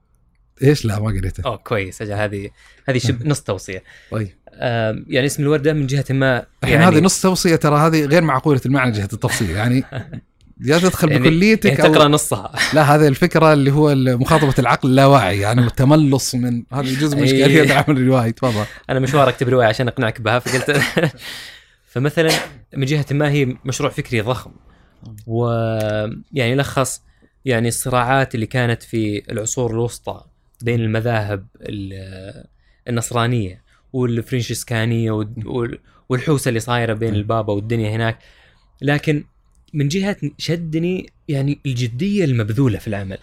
يعني علشان يرسم يعني عشان يحط الحوارات اللي تدور داخل هذا الدير رسم الدير وحدد عدد الدرجات اللي توديك للدور الأول. ثم علشان ليه؟ لع- لأن بيخلي في اثنين يتحاورون وهم يطلعون. مدة الحوار ينبغي أن يكون بنفس عدد درجات السلم أو خلى اثنين أيضا ثانيين كانوا يمشون ما بين يعني محل زجاج داخل الدير إلى مثلا اسطبل الخيول فكم المسافة ذي فايضا يصنع حوار بناء عليها. ما كان فقط يعني جاب المعلومات من القرون الوسطى وحطها لا استعمل حتى ذهنية التفكير وأولويات التفكير اللغة المطروحة. يعني خلينا نقول المسكوت عنه وال واللا مسؤول عنه والمد يعني كل منظور الإنسان للحياة تبنى ذلك المنظور وضعه هنا يعني بطريقة تبين الجدية العالية في يعني آه، كتابة العمل الروائي. إنه مو هو ترى على قولة واحد إنه من يوم آه، الواحد يجيه أرق بكرة في رواية أضيفت لرف الروايات العربية. دعوة ما هي بنت زعلان على واحد وتحط رواية ضده. يعني فيه يعني في مجهود يبذل مجهود حقيقي وزيارات للأماكن وتوثيقها وقراءات موسعة عشان يقدر الواحد يكتب فيها. يعني حتى دان براون مثلا لما نتكلم عن شفره دافنشي في كتاب يعني ال- المحتوى المعلومات مستقى من أحد الكتب الأساسية بالنسبة له. أذكر ما كنت واهم عنوان الكتاب الدم المقدس والكأس المقدسة. كتاب كتاب فكري يعني كتاب عقدي مش ما له علاقة بالأعمال الروائية. يعني حتى لا يغتر الإنسان بالعنوان. ويناقش يعني هو اللي طرح جملة من الأفكار اللي حاول يسربها. لاحظ أحد امتيازات الرواية المقارنة بين عدد ما بيع من هذا الكتاب وعدد ما بيع من هذا الكتاب. يعني قطعا شفرة دافنشي عدد ما بيع منه أكثر بكثير جدا من الكتاب الأول. هذا ملاحظة رقم واحد. ملاحظة رقم اثنين إن ما بيع من الكتاب رقم واحد المستقى منه بعد خروج كتاب شفرة دافنشي أعلى بكثير جدا مما بيع من لحظة خروجه إلى خروج شفرة دافنشي. واللي يؤكد حتى يعني أهمية المشاريع الفكرية المضمنة داخل الأعمال ال- الروائية إن ترى في يعني أحيانا تنشأ تنشأ مشروعات علمية بحثية على هوامش وظيفة في الروايات. يعني مثلا ذا دافنشي كود أنا أذكر يعني كنت مهتم بالرواية وقرأت عدد غير قليل من الردود الفلسفية العقدية الدينية النصرانية على الرواية. لاحظ بل أذكر اني يومها في تلك الحقبة دخلت على موقع الفيتيكان فوجدت أن في دورة علمية في الرد على كتاب The Da Vinci Code. مثلا رواية عزازيل على سبيل المثال. عندي في المكتبة كتب من الاقباط في مصر يردون على الرواية. فقصدي ان ان إن يبلغ المشروع الفكري الموجود داخل العمل الروائي مستوى من الجدية أو التأثير في الواقع بما يستدعي نوع من أنواع الاشتباك والأخذ والعطاء. فيما يتعلق مع هذه القضية، فهذا يعني يضاف على المعاني اللي ذكرناها في امتياز العمل الروائي. قالب كتابه التاريخ من جهة وقالب كتابه الرواية من جهة. يعني في في تشابه بينهم من جهة المضمون. لكن وش مساحة التلاعب الموجودة؟ مثل إنك تقدم تاريخ مو هو التاريخ الحقيقي مثلا. لأنه يعني مساحة الحركة في روايه أوسع شوي. صح. في النهاية أنت بتغطي بعد فراغات ما موجودة في كتب التاريخ. هذا من جهه ومن جهة ثانية أنه لا ممكن الواحد يقصد إلى محاولة يعني تقديم جذور مختلفة لك أنت يا عزيزي الإنسان. وهذه بعد خطيرة من جهة ما إنه كويس بقرأ في التاريخ لكن لا مو بهذا هو التاريخ التاريخ. يعني هو يعني ممكن يقدم نصيحة للمتلقي والقارئ من جهة معينة وذكر أحد الجوانب اللي وصلت وعلاقة الرواية بالتاريخ. يعني بعض الروايات يمكن أن تخلد بعض الأحداث التاريخية. يعني لولا هذا العمل الروائي لكان هذا الحدث التاريخي هامشا على التاريخ أو ما شاع المعرفة به. لكن استطاعت هذه الرواية أن تخلد هذا العمل التاريخي. هذا رقم واحد. آه، من امتيازات العمل الروائي المهمة في صلته مع التاريخ اللي هو ملء المساحات والفراغات الموجودة في الكتابة التاريخية يعني التاريخ مهموم ومعني بكثير من الكليات والخطوط العامة والعريضة ويصعب بطبيعة الحال أن ينزل التاريخ للتجاوب مع تفاصيل الحياة اليومية لتفاصيل الحالة الإنسانية البشرية لكل إنسان وبشر. هذه قضية صعبة. إذا أنت تقرأ هذه الحوادث الكبرى الكلية تقرأ في التاريخ قصة حرب معينة. بين دولة ودولة والضحايا والأحداث وكذا وقصارى ما يستطيع أن يقدم لك التاريخ أحيانا أن الشخصيات المركزية المحورية الكبرى المتعلقة يسرب لك بعض المعطيات المتعلقة بها. لكن قد يصير أحد الفراغات الموجودة في البنية التاريخية اللي هو قصة عائلة معينة حجم المعاناة اللي لحقها بحكم القضية الفلانية حجم التأثير اللي خلقتها هذه ال- ال- القضية وهذه القصة. ففي فراغات معينة يعني يملأها الروائي بالمخيال أحيانا. و- وتدري هو لا ينطلق من فراغ يعني هو هو يقدر إمكانية أن يكون هذا الأمر موجودا. ويعني يعني هو يعني في كثير من الأحيان ليس بالضروره هنالك نوع من انواع الشطح بالخيال البعيد، يعني أحيانا تدرس المسألة من الناحيه الإحصائية فاحتمالات إن حصلت مثل هذه الإشكالية وكذا ترى ليست منخفضة في ظل ذلك السياق الزمني. إن لم تقع الحادثة أو القصة مطابقة فعلى الأقل هنالك قصة مقاربة على سبيل المثال. يعني خذ مثال أنا أذكر مثلا من الروايات أو الأعمال اللي قرأتها تاريخية في رواية يعني إذا ما كنت قديم العهد جدا بها عن سقوط الأندلس لأحمد رائف. فهو يتكلم عن الليلة الأخيرة لأبو عبد الله الصغير وسقوط الأندلس زين وحجم المقاومة اللي حصلت في آخر المعاقل الإسلامية في الأندلس في قرطبة إذا ما كنت فاهم قرطبة ولا غرناطة؟ غرناطه غرناطة. فهو يتحدث بالتفاصيل الدقيقة للحياة اليومية. يعني كلنا نستحضر القصة وإن لم تكن رواية لكن على الأقل قصة اللي وثقها وذكرها الشيخ علي الطنطاوي. في قصص من التاريخ لما تكلم عن الطفل اللي كان يجد أمه وأبوه ونظراتهم كذا من أهل الأندلس وهو يعني يربى وينشأ على النصرانية وفي غرفة ممنوع من الدخول إليها ثم بلغ عمرا معينا فأخذها أبوه وأدخل الغرفة كشف له عن كتاب القرآن الكريم بدأ يعلم ترى دينك كذا وفي تخوف من محاكم التفتيش وقصة. ترى القصة لا يلزم بالضرورة تكون بهذه التفاصيل يعني موجودة داخل سجل تاريخي معين بس هي تكشف لك عن منطقة مظلمة في السياق التاريخي. في شيء غامض قاعد يشعرك بهذه المنطقة الغامضة. فأنا أشوف أن في امتيازات حقيقية موجودة للكتابة التاريخية. مثلا عندك الرواية الطويلة والمشهورة يعني واحد الأدبيات الروسية الأساسية ليو تولستي اللي هو رواية الحرب والسلم على سبيل المثال. هي تغطي مساحة يعني مشهورة في السياق التاريخي ال- الروسي على سبيل المثال وتتحدث عن يعني بعض التفاعلات الحاصلة في الطبقة الارستقراطية والبرجوازية وغيرها. بس موطن الإشكال يعني كمحذور أو تنبيه أو مسألة يراعيه الإنسان أنه لا يستقي معلومات التاريخية من خلال العمل الروائي يعني الأسوأ منها بعد أن يستقي معلومات التاريخية من خلال فيلم ومسلسل. يعني أنا أحتك في بيئة العمل مع بعض الشباب وكذا ف تجادل في قضية معينة متعلقة حتى في الإطار الديني فيستشهد بحدث لعمر الخطاب تحاكك في الموضوع هذا في الأخير القصة مستقاة من مسلسل عمر. طيب مسلسل عمر ليس يعني آه، سردية يلزم بالضرورة أن تكون مطابقة للمصحح من تاريخ عمر الخطاب مثلا رضي الله عنه وأرضاه. فهذا معطى يعني هذا معطى. من المجالات صراحة المبتكرة والإبداعية المتعلقة بالكتابة التاريخية آه، اللي هو يسمونه في الفضاء الغربي alternate history التاريخ البديل. يعني طرح سؤال طريف ماذا لو؟ وأقدر الناس على تقديم جوا- جواب على ماذا لو؟ الروائيين يعني في ضوء سعة المخيال الموجودة عندهم. ماذا لو؟ يعني مثلا من الأعمال الروائية ال- ال- المشهورة واللي حولت إلى مسلسل مشهور زين؟ The Man the High Castle The Man in the High Castle رواية قديمة نسبيا ثم أعيد إنتاج هذا العمل الروائي في قالب تلفزيوني. فكرة الرواية إن عندنا الحرب العالمية الثانية المشهورة ماذا لو انتصر الألمان على الحلفاء؟ إيش كان بيصير في مسار التاريخ؟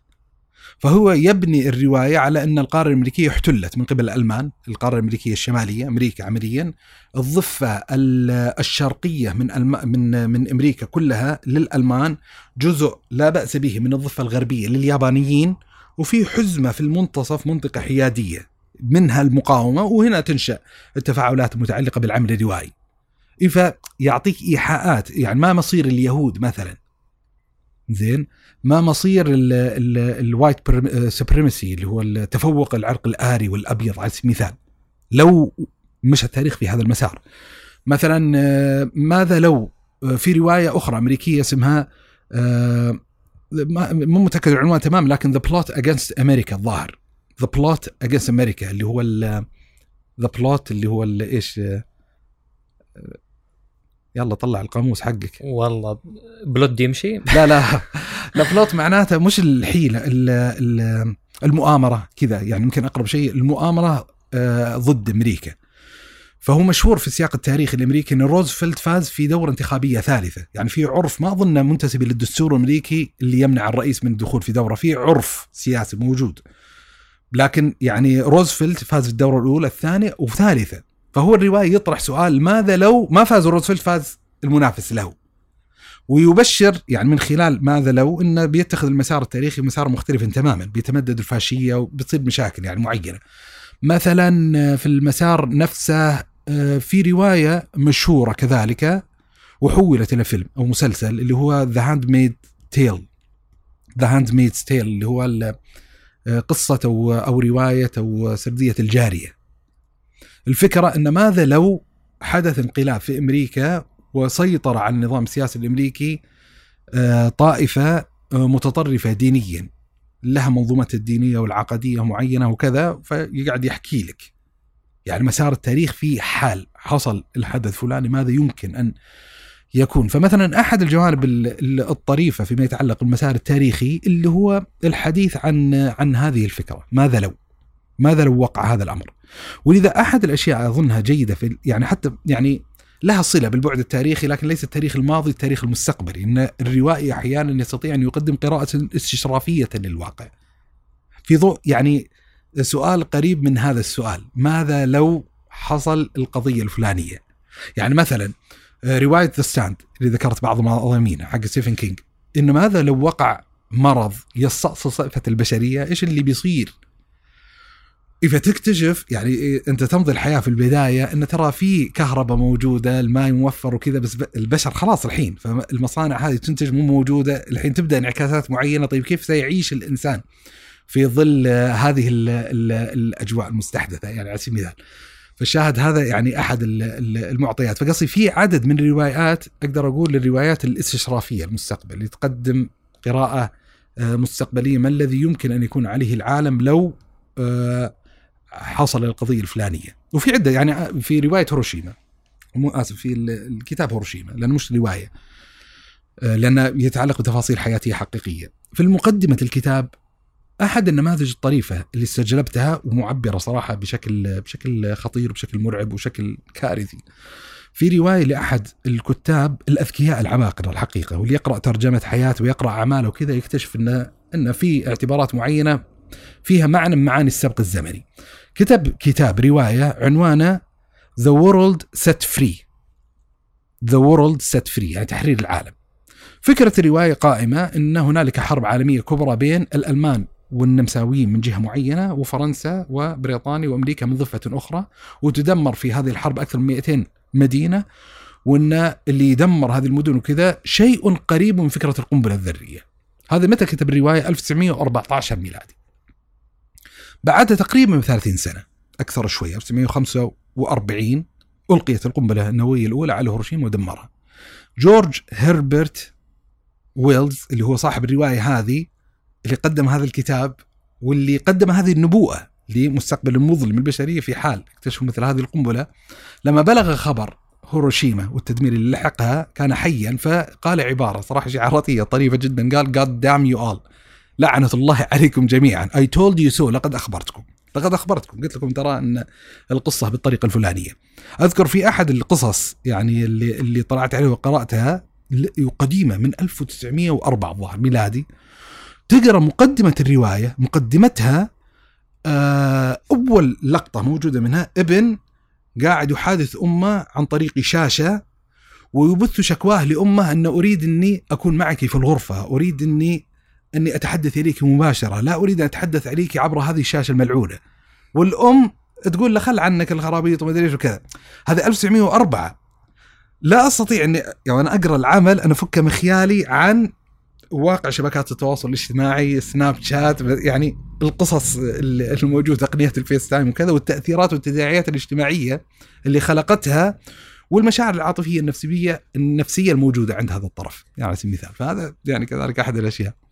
ينسب لاينشتاين إنه يقول إذا ودك ابنك يصير مخترع بس اعطى خيال علمي واعطى خيال علمي واعطى خيال علمي. إيه. أوصى بها ثلاثا.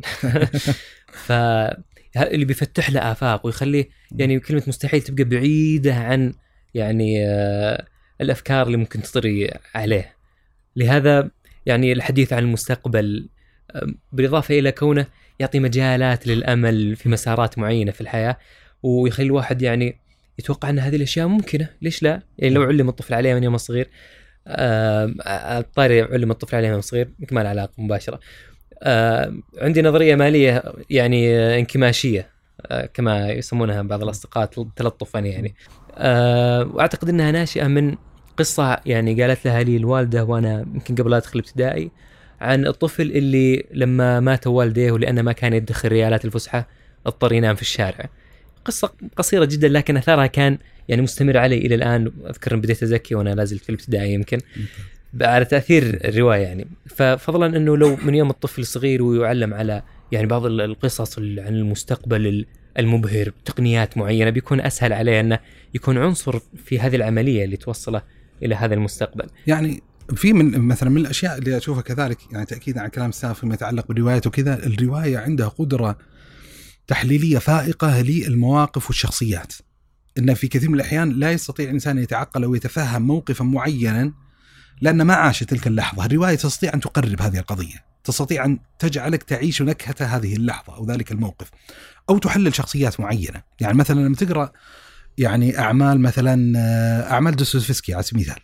فيودور دوستويفسكي. مثلا آه، يعني خذ على سبيل المثال رواية الجريمة والعقاب. بطل القصة في البداية إن رجل عنده نوع من أنواع الاعتزاز بالذات بالنفس. يتصور إنه هو نابليون عصره كما يقال. وأن البشرية ستكون أفضل يعني حالا لو اغتنى على حساب قتل امرأة معينة تعتبر شرير. يعني قصة ما بتحرقها على المتلقي وهذه طبعا أحد إشكاليات. تدري الحلقة أنت لا تريد أن تحرق بالذات النهايات والحبكات المتعلقة بالقصص. يعني أحد الأدوار المؤذية اللي كنت امارسها في بعض الدوائر القريبة مني لما آه، استطع نجم دان براون وبدأت تخرج الاعمال حقته. فبطبيعة الحال تخرج النسخه العربية الإنجليزية قبل النسخه العربية. فأول ما تنزل النسخه الإنجليزية على طول انتهي منها. فأجي لمجموعة من الأحبة والاصدقاء والزملاء من الحريصين على قراءة هذا العمل. فيقولون آه، مثلا تو نزلت مكتبة جرير الرواية الفلانية. أقول ترى ما عليكم ترى نهاية القصة. تخرب نهاية القصة يعني. فموطن الشاهد مثلا الجريمة والعقاب إن في تحليل الشخصية إن قد يتوهم الإنسان نفسه بطريقة معينة. ثم إذا وقعت منه مثل هذه الجريمة حصلت منه الندمات والعذابات النفسية واكتشف انه ليس بالقوة التي كان يتخيلها أو ليس بالسوء الذي كان يتخيله عن نفسه أو ليس بالشر اللي كان يتخيله اكتشف بحيث اضطر انه يسلم نفسه في نهاية المطاف. مثلا تحليل شخصية لما تقرأ رواية اللي هو له عدة عناوين باللغة العربية مذكرات من من العالم السفلي لدوستويفسكي. صراحة يعني فيها تحليل متطرف لشخصية متطرفة اللي هو قصة ال قصة ال- ال- الشخصية المتصيدة الشخصية المتنمرة على الغير الشخصية اللي تتميز بقدر ومستوى من الذكاء آه، بالمقارنة بالمحيط الاجتماعي بما يعقد علاقاته وصداقاته مع الناس. وتسمع تذمر شخصية غريبة جدا وتضحك يعني. بس إنه يعني مو بالضرورة إن هذه الشخصية بهذه الحدية والتطرف موجودة في الواقع لكن روح ونكهه هذه الشخصية تستطيع أن تعطيك يعني إيحاءات متعلقة ب يعني أشخاص معينة أو فاظن يعني هذا كذلك أحد المعطيات يعني. يعني بما إنك جالس تتكلم عن دوستويفسكي أتوقع لما نزلت الإخوة كرامازوف كان من أوائل من احتفل بها يعني المتخصصين في حتى الفيزياء مثل أينشتاين آه فرويد لما كان يتحدث عنها إنه يعني ظاهر تلقون فيها ما, ما, ما لا تلقونه في كتب علم النفس من جهة يعني آه، دخولها في يعني وقدرتها على وصف يعني الطبيعة الإنسانية. آه، وعلى ذكر انها الروايه ممكن تشيل بعض ال يعني بعض المضامين الثقيلة يعني دوستويفسكي استطاع أنه في الإخوة كارمازوف إنه يحملها ببعض المضامين الفلسفية اللي تقريبا ما حد يقدر يعني يتحدث الحين عن آه ماذا لو لم يكن آه الله موجودا في يعني في حال تنزل النقاش قضية آثار الإيمان بالداروينية المطلقة على كل جوانب الحياة وبدون ما يقتبس عبارة آه إيفان كارمازوف اللي هو يعني إذا لم يكن لها موجودا فكل شيء مباح. فايضا في قدرة على حمل هذه المضامين على ثقله وهذه من الأشياء اللي يعني تفتح مجال اللي ايا يكن المجال اللي أنت ممكن تدخل فيه ترى الرواية ممكن تساعدك على يعني حمل هذه الأفكار ومضامينها. يعني أحد امتيازات الرواية تنبيه عن موضوع الأخوة كرامازوف اللي هو قصة الاتجاهات والرؤى الفلسفية وتقريبها للمتلقي والقارئ. يعني قراءة بعض الاتجاهات الفلسفية وأفكارها في قوالبها التجريدية المحضة ترى أحيانا ما يستطيع الإنسان يستوعبها استيعابا تاما فإذا نقلت من عالم التجريد إلى عالم المثال والواقع أنه يعني إن تشاهد التفاعلات المتعلقه بها تقرب مدلولات والإشكاليات إما سلبا وايجابا. فمثلا الاخوه الكامرازوف تجد إن في ثيمات متعلقة بالبعد الفلسفي، الله عز وجل، الإرادة الإنسانية الحرة، الأخلاق، هذه كلها ثيمات موجودة داخل الأخوة. أنا مثلا على المستوى الشخصي، مثلا في أحد المعطيات متعلقة بنظرية المعرفة. مكاشفتي الأولى على هذه الحقيقة المتعلقه بنظرية المعرفة كانت عبر بوابة بوابة كتابة روائية مبكرا في حياتي. فكان استقبالي لهذه المعلومة في الفلسفة اللي هو في نظرية المعرفة استقبالا حسنا وكنت مهيئ نفسيا بحكم القراءة الروائيه وهي رواية قراتها مبكرا اللي رواية فتاة الشيخ. أو آسف فتاة الجزيرة. طبعا فتاة الشيخ لي هدف المؤلفها داوود بن سليمان العبيدي. يعني هو أحد الروائيين الإسلاميين المشاهير. يعني أنا أذكر في المرحلة الثانوية كان عندي رواية صغيرة اسمها حديث الشيخ. هذه الرواية قرأتها آه، في ليلة آه، اختبار ثالث ثانوي فيزياء. يعني أساس يدري الإنسان تتكلم عن الإمتاع والجاذبية والارتباط يعني كنا واقعين في الفخ والبلاوي هذه. المفروض ف... المقررات تصير روايات. أيوه هذا هذا أحد الحلول هذا أحد الحلول لوزارة التعليم. فحديث الشيخ عندك مثلا قريته عنده رواية اسمها شهرزاد عنده رواية اسمها القرار أجمل روايته وأوسعها وعنده رواية جميلة اسمها جبل التوبة. وهو عنده اللي هو يعني أحيانا بعض الكتب بعض ال ال ال القصص ال في التراث أو القصص النبوية. يعني جبل التوبة يتكلم عن قاتل المئة. بس قاعد يصبها في قالب روائي يعني ما نبي ندخل في تفاصيل ما يتعلق بالحكم الشرعي وكذا بس رواية حديث الجزيرة مش حديث شا... يعني آسف فتاة الجزيرة. حديث الشيخ على فتاة الجزيرة. رواية على الأقل الطبعه اللي قراتها كانت موزعة إلى اربعه أجزاء صغار يعني ويتكلم عن قاتل عن عن غلام الساحر. القصة المعروفة الغلام الساحر واللي أسلم بعدين يعني وضاح آه وضاح زين هذا ما أدري جيل زين تتذكر وضاح أتوقع في ناس ما يعرفون وضاح ممكن يدورون في اليوتيوب يعصبون. لأن انت شايف يعني. أي هذا السبب. هذا يعني مراجعة الماضي. جيد. أنا عندي البنات وكذا ممكن نراجع الماضي. الشاهد اللي هو غلام الأخدود. آه، أحد الأشياء المتعلقة بالحديث النبوي أصلا في سردية القصة أن شفى أعمى أعمى اللي هو وزير الملك. زين. ميزة الرواية أول مرة سبحان الله اعطيه على المعلومة هذه يعني في مرحلة مبكرة وكانت لافته وجميلة بالنسبة لي اللي هو لما تكلم عن مشاعر الأعمى لما أبصر وانه أول مرة يتعقل مفاهيم الألوان اللون الأحمر فرض عليه سؤال اللي هو إن الأعمى كيف يستطيع أن يتعقل هذا المفهوم؟ في نظرية المعرفة لما تقد من فقد حاسة فقد علما وإن مهما حاولت أن تفعل لا تستطيع أن توصل للاعمى هذا المفهوم، مفهوم اللونية. يعني كأنك تبي تقول له مثلا في شيء اسمه أحمر يعني لسان الحالي بيقول لك هذا الأحمر أملس، هل هو صلب، هل هو خشن، يعني يحاول أن يصل معك النتيجة في ضوء المعطيات المعرفية الموجودة عنده. ولولا حتى هذا عبد الرحمن بن يحيى المعلم اليماني عنده كتاب جميل اسمه حقيقة التأويل هو يقول في الحالة هذه يقول ولولا أن الأعمى تواتر عنده وجود موجود هو الألوان لكذب بوجوده لأن كل ما طرح سؤال هل هو كذا هل هو كذا هل هو كذا قال لا بس متواتر عنده خبر أن في ناس يسمون مبصرين وهذا المبصرين حسوا بهذا الأمر وبالتالي. هو مضطر تحت وا- وا- وا- واقع التواتر أن يؤمن به. فقصدي هذا معطى من ال- الكتب اللي قرأتها في فترة الأزمة كورونا كتاب باللغة الإنجليزية جميلة جدا وصراحة طلبت السلسلة المجموعة وهي من المسارات المتعلقة ببعد الفلسفي اللي أنصح بها اللي المداخل لمفصل الأبحاث الفلسفية أو المداخل للعلوم للعلوم عموما. في كتاب اسمه a graphic novel سلسلة a graphic novel اللي هو آه لا مو ب a graphic novel ظهر a graphic manual ولا a graphic ظهر كذا يعني مدخل مصور. وبعدين عاد يتغير العنوان الأساسي. عاد النسخة اللي قرأتها ما أدري سبحان الله لأمر ما كان عندي هو الكتاب الوحيد من هذه السلسلة اللي هو Time graphic novel ولا graphic introduction يعني المقصود إنه مدخل مصور عن الزمن. فيتكلم عن تطور الوعي الإنساني البشري بمفهوم الزمان والاتجاهات الفلسفية المتعلقة بمفهوم الزمان وقصة معينة. من الأشياء اللي لفت نظري على أساس يقرب لك كثير من الجدليات الفلسفية المتعلقة بالزمن كان يستعين بالأعمال الروائية. أن ترى في اتجاه معين يعتقد أن الزمن ذو طبيعة معينة ويقدم لك، في اتجاه معين يؤمن بإمكانية العودة إلى الزمن مثلا إلى الوراء. لكن يضع اشتراطات معينة، تشوف الرواية الفلانية. في ناس يلغون الاشتراطات الفلانية ويرون ما في إشكال معين، يصير الزمن عبارة عن دائرة. وإن الشيء اللي يترتب على الشيء وكذا ما يحصل جمع بين النقيضين بالضرورة ولكن شوف الرواية الفلانية. فلفت نظري اللي هو قضية فكرة الربط بين ال- ال- ال- المجال الفلسفي وال والجانب الروائي. فأنا أشوف كذلك يعني هذا أحد الجوانب الممتعة في هذا الإطار يعني. ما دام الروايات جلست تشيل كل أنواع المجالات والقوالب م.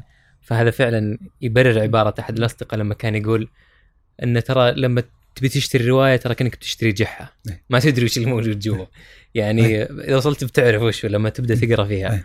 فلكن أتوقع في بعض التقنيات اللي تسهل على الواحد إنه يختار الروايه قبل لا يشتريها. طيب تأذني في شغلة خليني بس أختم في خطر سبحان الله في بالي نقطة نقطتين أشوفها مهمة في امتيازات العمل الروائي أو أهداف العمل الروائي ووظيفة العمل الروائي أشياء توسع أفقنا في الموضوع. في من الأشياء اللي هو نقد التابوهات. نقد التابوهات.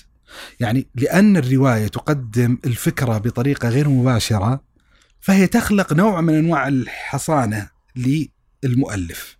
وبالتالي يستطيع أن يصمد إلى تقديم بعض الرؤى النقدية لو قدمها في قالب أكثر مكاشفة ومباشرة قد يتأذى. وطبعا نكرر الكلام بحسب طبيعة التابوه الذي يريد انتقاده، إذا كان تابوها محرر يعني هو قضية يعني ليست مشروعة وكذا عرف اجتماعي قائم موجود فحسن إنه ينقد. لكن طبعا مشكلة بعض الأعمال الروائية أن تنتقد بعض الأصول الشرعية تحت عنوان نقد التابوهات. وعد تتنوع. تابوهات سياسية، تابوهات اجتماعية، تابوهات يعني عائده للاعراف، يعني ايا كان. يعني يعني مثلا رواية جورج أورويل على سبيل المثال المشهوره جدا. اللي هو ال آه، كم ال 1849 49 واحد 1849 يرتب الأرقام بشكل أنا. عندي طبعا أنا هذا معنى دائما أعلنه وأكرره عندي مشكلة وعاهة في موضوع الأرقام. أنا لا 1 أحفظ- 9 8 4 أنا لا أحفظ أرقام. أنا لا أحفظ أرقام.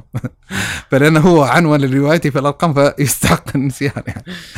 فشاهد إن معروف الرواية هذه اللي هو يعني إن حجم التابوهات الموجودة فيها بالذات في المجال السياسي وإن بعض المصطلحات والألفاظ اللي ولدها داخل هذا العمل الروائي تسربت إلى المعجم والقاموس السياسي فكرة بيج براذر على سبيل المثال وقضية يعني الرقابة والقصص والحواديت المتعلقة بهذا الإطار. آه، وكثير يعني كثير ال ال ال الروايات اللي اللي على هذا على هذا الغرار. نقدر يعني مثلا آه، من الأشياء اللي يستطيع الإنسان أن يختم بها إن على غرار عبارة آه، محمود العقاد محمود عباس العقاد اللي هو آه، في كتابه أنا لما تكلم عن علاقته بالكتاب وأنها تضيف حياة إلى حيواتي ويعني مهم. معروف لأن حياة واحدة إن حياة. واحدة لا تكفينا وكذا. الرواية تفتح أفق واسع للانسان إلى عوالم وفضاءات ما كان بمكنته مطلقا أن يصل إليها. يعني يستطيع من خلالها يتعرف على أمم، على شعوب، على جغرافيا، يتعلم عادات وأعراف وتقاليد معينة أجنبية تماما عنه، يعني يعني بحكم التماس العربي مع الفضاء الغربي عبر منصات معينة وكذا فعندنا نوع من أنواع الاستقبال الحسن لكثير من الأعراف، لكن لما تتجه إلى الشرق لما نتكلم عن مفصل ما يتعلق بأحوال اليابان، الصين، كوريا حتى بعض الدول الإسلامية إندونيسيا، ماليزيا. أنا أزعم إن ترى في أشياء معينة قد لا نعقلها. ولذا سيكون أمرا صادما لما يوجه الإنسان بوصلة قراءته إلى هذه الفضاءات بيكتشف إن ترى في أعراف وفي مفاهيم وفي أشياء يعني مهمة. أنا أعطيك مثال. لما كنت رواية هيروشيما أحد المواضع اللي اشكلت علي في قضية الترجمة إن كان في شخصية منتسبه لشركة معينة قاعدين يقيمون لها احتفالية معينة. احتفالية للشخصية هذه. احتفالية بمناسبة إيش؟ بمناسبة انتحاره. أنا حسيت وأنا أقرأ باللغة الإنجليزية إن فاهم موضوع غلط. بديت أراجع نفسي احتمالا مو فاهم القصة. بديت أرجع إلى بعض الأدبيات اليابانية في ملف الانتحار فاكتشفت لا إن اليابانيين يتعاملون مع ملف الانتحار في بعض السياقات باعتباره شرفا. ولذا تجد الإنسان إذا لم يستطع أن يحقق مطلوبا معين وكذا فيصير الخروج من المأزق والإشكال هذا بشرف إنه ينتحر. فالبني آدم هذا راح قط نفسه قدام القطار وانتحر ومات ومع ذلك قاعدين يؤبنونه بطريقة يعني تكريمية أو تشريف أو شيء وإن إحدى الفتيات من أصحاب القصص هي اللي كانت يعني في لجنة معينة مسؤولة عن إقامة الاحتفاليه المتعلقه بهذا الباب. فأنا أشوف هذا يعني كذلك احد المعطيات.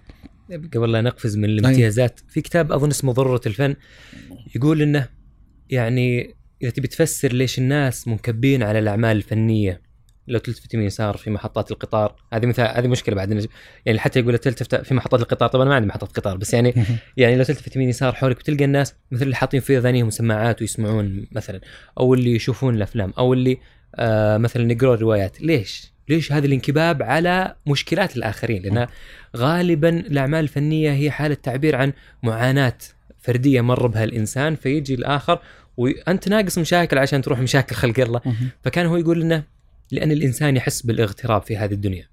فكيف يقدر يعني يدفي خلينا نقول روحه ومشاعره إذا درى أن في ناس ثانيين عندهم نفس هذه المشاكل عندهم نفس هذه المعاناة.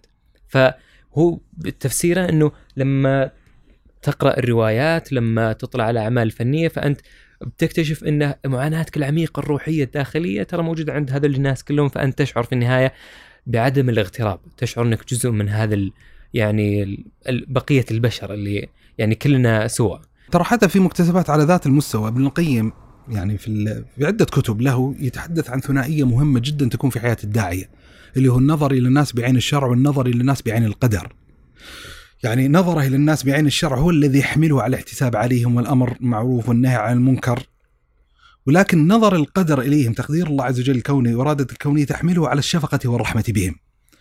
الرواية ترى تفتح أفق للانسان لقضية النظر بعين القدر يعني بمعنى إن إن انه يتفهم أحيانا بواعث الناس في الوقوع في بعض الأخطاء أو الإشكاليات معينة يعني تخلق تقريب هذه الصورة أحيانا يعني بحكم انعتاق الإنسان وانعزال عن هذه المنطقة من مناطق المعصية مثلا أو إشكالية معينة لا يستطيع أن يتفهم لماذا وقع في هذا الإنسان. فأحيانا يكون من أدوار الروايات أحيانا ممكن تقرب هذه القضية بما تحمل الإنسان على الأقل وإن حاسبه بمقتضى الشرع لكن ما عليه بأس كذلك انه يعني ينظر إليه يعني بعين من عين الرحمة على سبيل المثال. فأنا أشوف كذلك الرواية ممكن تخدم فيما يتعلق بهذا الإطار.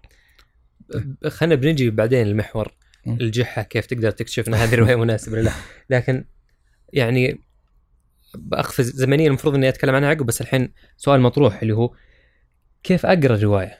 يعني الحين طيب اخترنا مجموعة من الروايات وأخذناها طيب كيف نختارها بنشوف بعد شوي بس الحين اخترنا أه هل في تكتيكات معينة تساعد في قراءة جيدة للرواية؟ يعني أنا أظن جزء من الإشكاليات في تعاطينا بالذات في الوسط العربي في موضوع الرواية إن اقتصار الإنسان على القراءة الروائية لمجرد الإمتاع يعني أضعف من قيمة الانتفاع بالعمل الروائي، أنا أظن ان بإمكانية أن يطور الإنسان كفاءته في قراءة العمل الروائي بما يطور من انتفاعهم بها. يعني من الأشياء اللي ألاحظها بالذات في الفضاء المجتمع الغربي لما نتكلم عن نوادي القراءة مجموعات القراءة فتجد يعني لاعتبارات يعني يمكن كثرة القراء الروايه اعتبارات معينة كثرة تداول الروايات في نوادي القراءة. وكان يثير ما أخفيك لما كنت أطلع على هذه التجارب كان يثير فيني سؤال إن إيش يتناقشون فيه؟ يعني أنا من وحي خلفية مثلا معرفية علمية شرعية فكرية أحس انها تستطيع إقامة جدل حيال كتابة فكرية مباشرة. لكن تعطيني رواية كيف نتحاور؟ يعني شو المعطيات الموجودة فيها؟ وخذ تجربة من بعض الزملاء إن قرينا يعني بعض الأعمال مش كثيرة من وحي يعني خلفية الاهتمام القائمه الموجودة عندي وكذا مش كثيرة التجربة لكن موجودة. فتكتشف لا إن ترى في مكنه أن تحدث جدليات معمقة حيال كثير من الملفات في مقاربة كثير من الأعمال الروائية.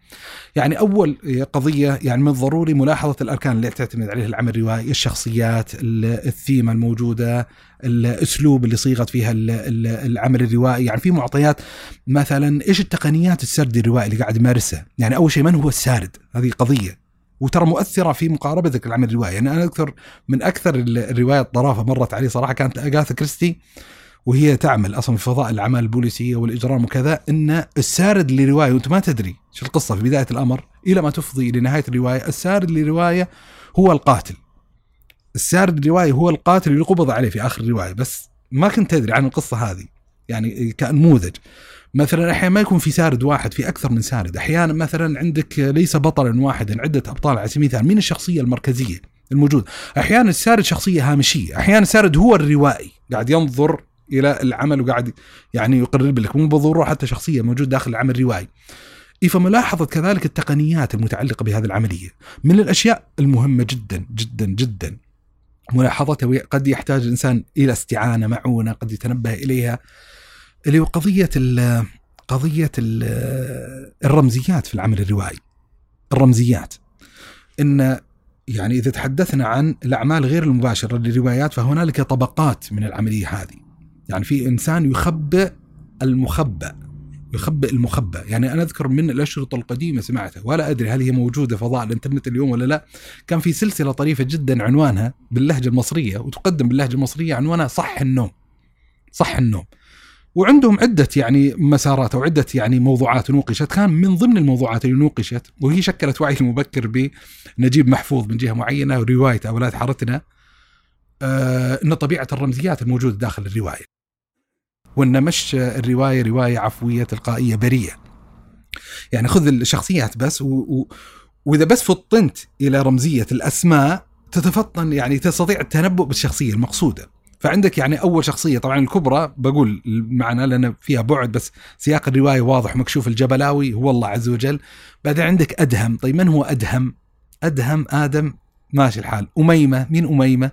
أم أميمة حواء إدريس إبليس جبل اللي هو موسى باعتبار الجبل. رفاعة عيسى رفعه الله إليه. قاسم أبو القاسم. وأنت ماشي يعني شخصيات موزعه بهذه الطريقة ومزعجة الرواية يعني مزعجة من الناحيه الدينية. ونجيب محفوظ يأتي من خلفية فلسفية فطبيعي ان سربت مضامين فلسفية تعتبر في التقييم الميزان الشرعي رواية منحرفة. بس الشاهد إنه ضروري أن يتنبه الإنسان للرمزيات الموجودة. يعني مثلا آه، جورج اورول مش الرقم 1849 زين. عنده رواية المشهوره مزرعة الحيوان زين. مزرعة الحيوان كذلك مؤسسة على فكرة الرمزيات.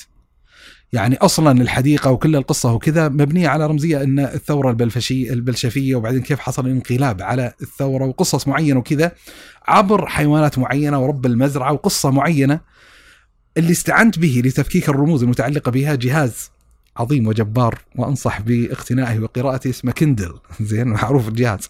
في خدمة موجودة في ال Kindle اسمها X-Ray X-Ray زي يعني ال القراءة التحليلي للكتاب. فتحصل مجمع في مكان واحد ما يتعلق بالصور الموجودة في الكتاب. آه، أشياء كثيرة. من ضمن الخيارات اللي هو الشخصيات. تضغط عليه الشخصيات. فميزته لما تقرأ عمل روائي وهذا أحد الإشكاليات اللي تصادف القارئ الروائي بالذات في سياقات ثقافية مباينة. يعني أنا أنا أدرك ومتفهم وبلغني معاناة كثير من قراء هيروشيما من ضبط الأسماء من ضبط الأسماء لأن هي تأتي من خلفية مباينة تماما للخلفية. وإذا كان الإنسان بعيد عن أجواء الثقافة الغربية تجد معاناة. وإذا اقترب مثلا من المشهد الإنجليزي يجد معاناة مثلا في أمريكا اللاتينية على سبيل المثال. فهي معضلة قائمة موجودة. فميزة الكندل لما تقرأ تضغط على الشخصيات فيعطيك مسرد يعطيك أول شيء فوق أسماء الشخصيات الموجودة في الصفحة ويعطيك اقتباس من الرواية يكشف لك مين الشخصية هذه. أنا ترى فلان وفلاني ودخل فلان مركز الشرطة ليقابل الضابط فلان وفلان. أوه هذا الضابط يذكرك زين. عاد في مزرعة الحيوان الميزة جايب لك الرمزيات.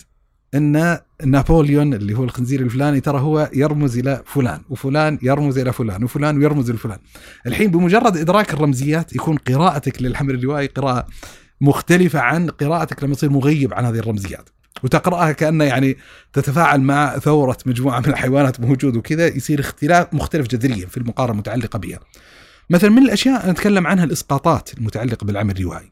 الإسقاطات يعني بمعنى أن الإنسان آه، ما يعني يعني ما أريد إني إني أعبر بهذا التعبير لا يساء فهمه لكن قد يكتشف الإنسان في طي يعني كنت بعبر تعبير فتحفظت من ذكره زين.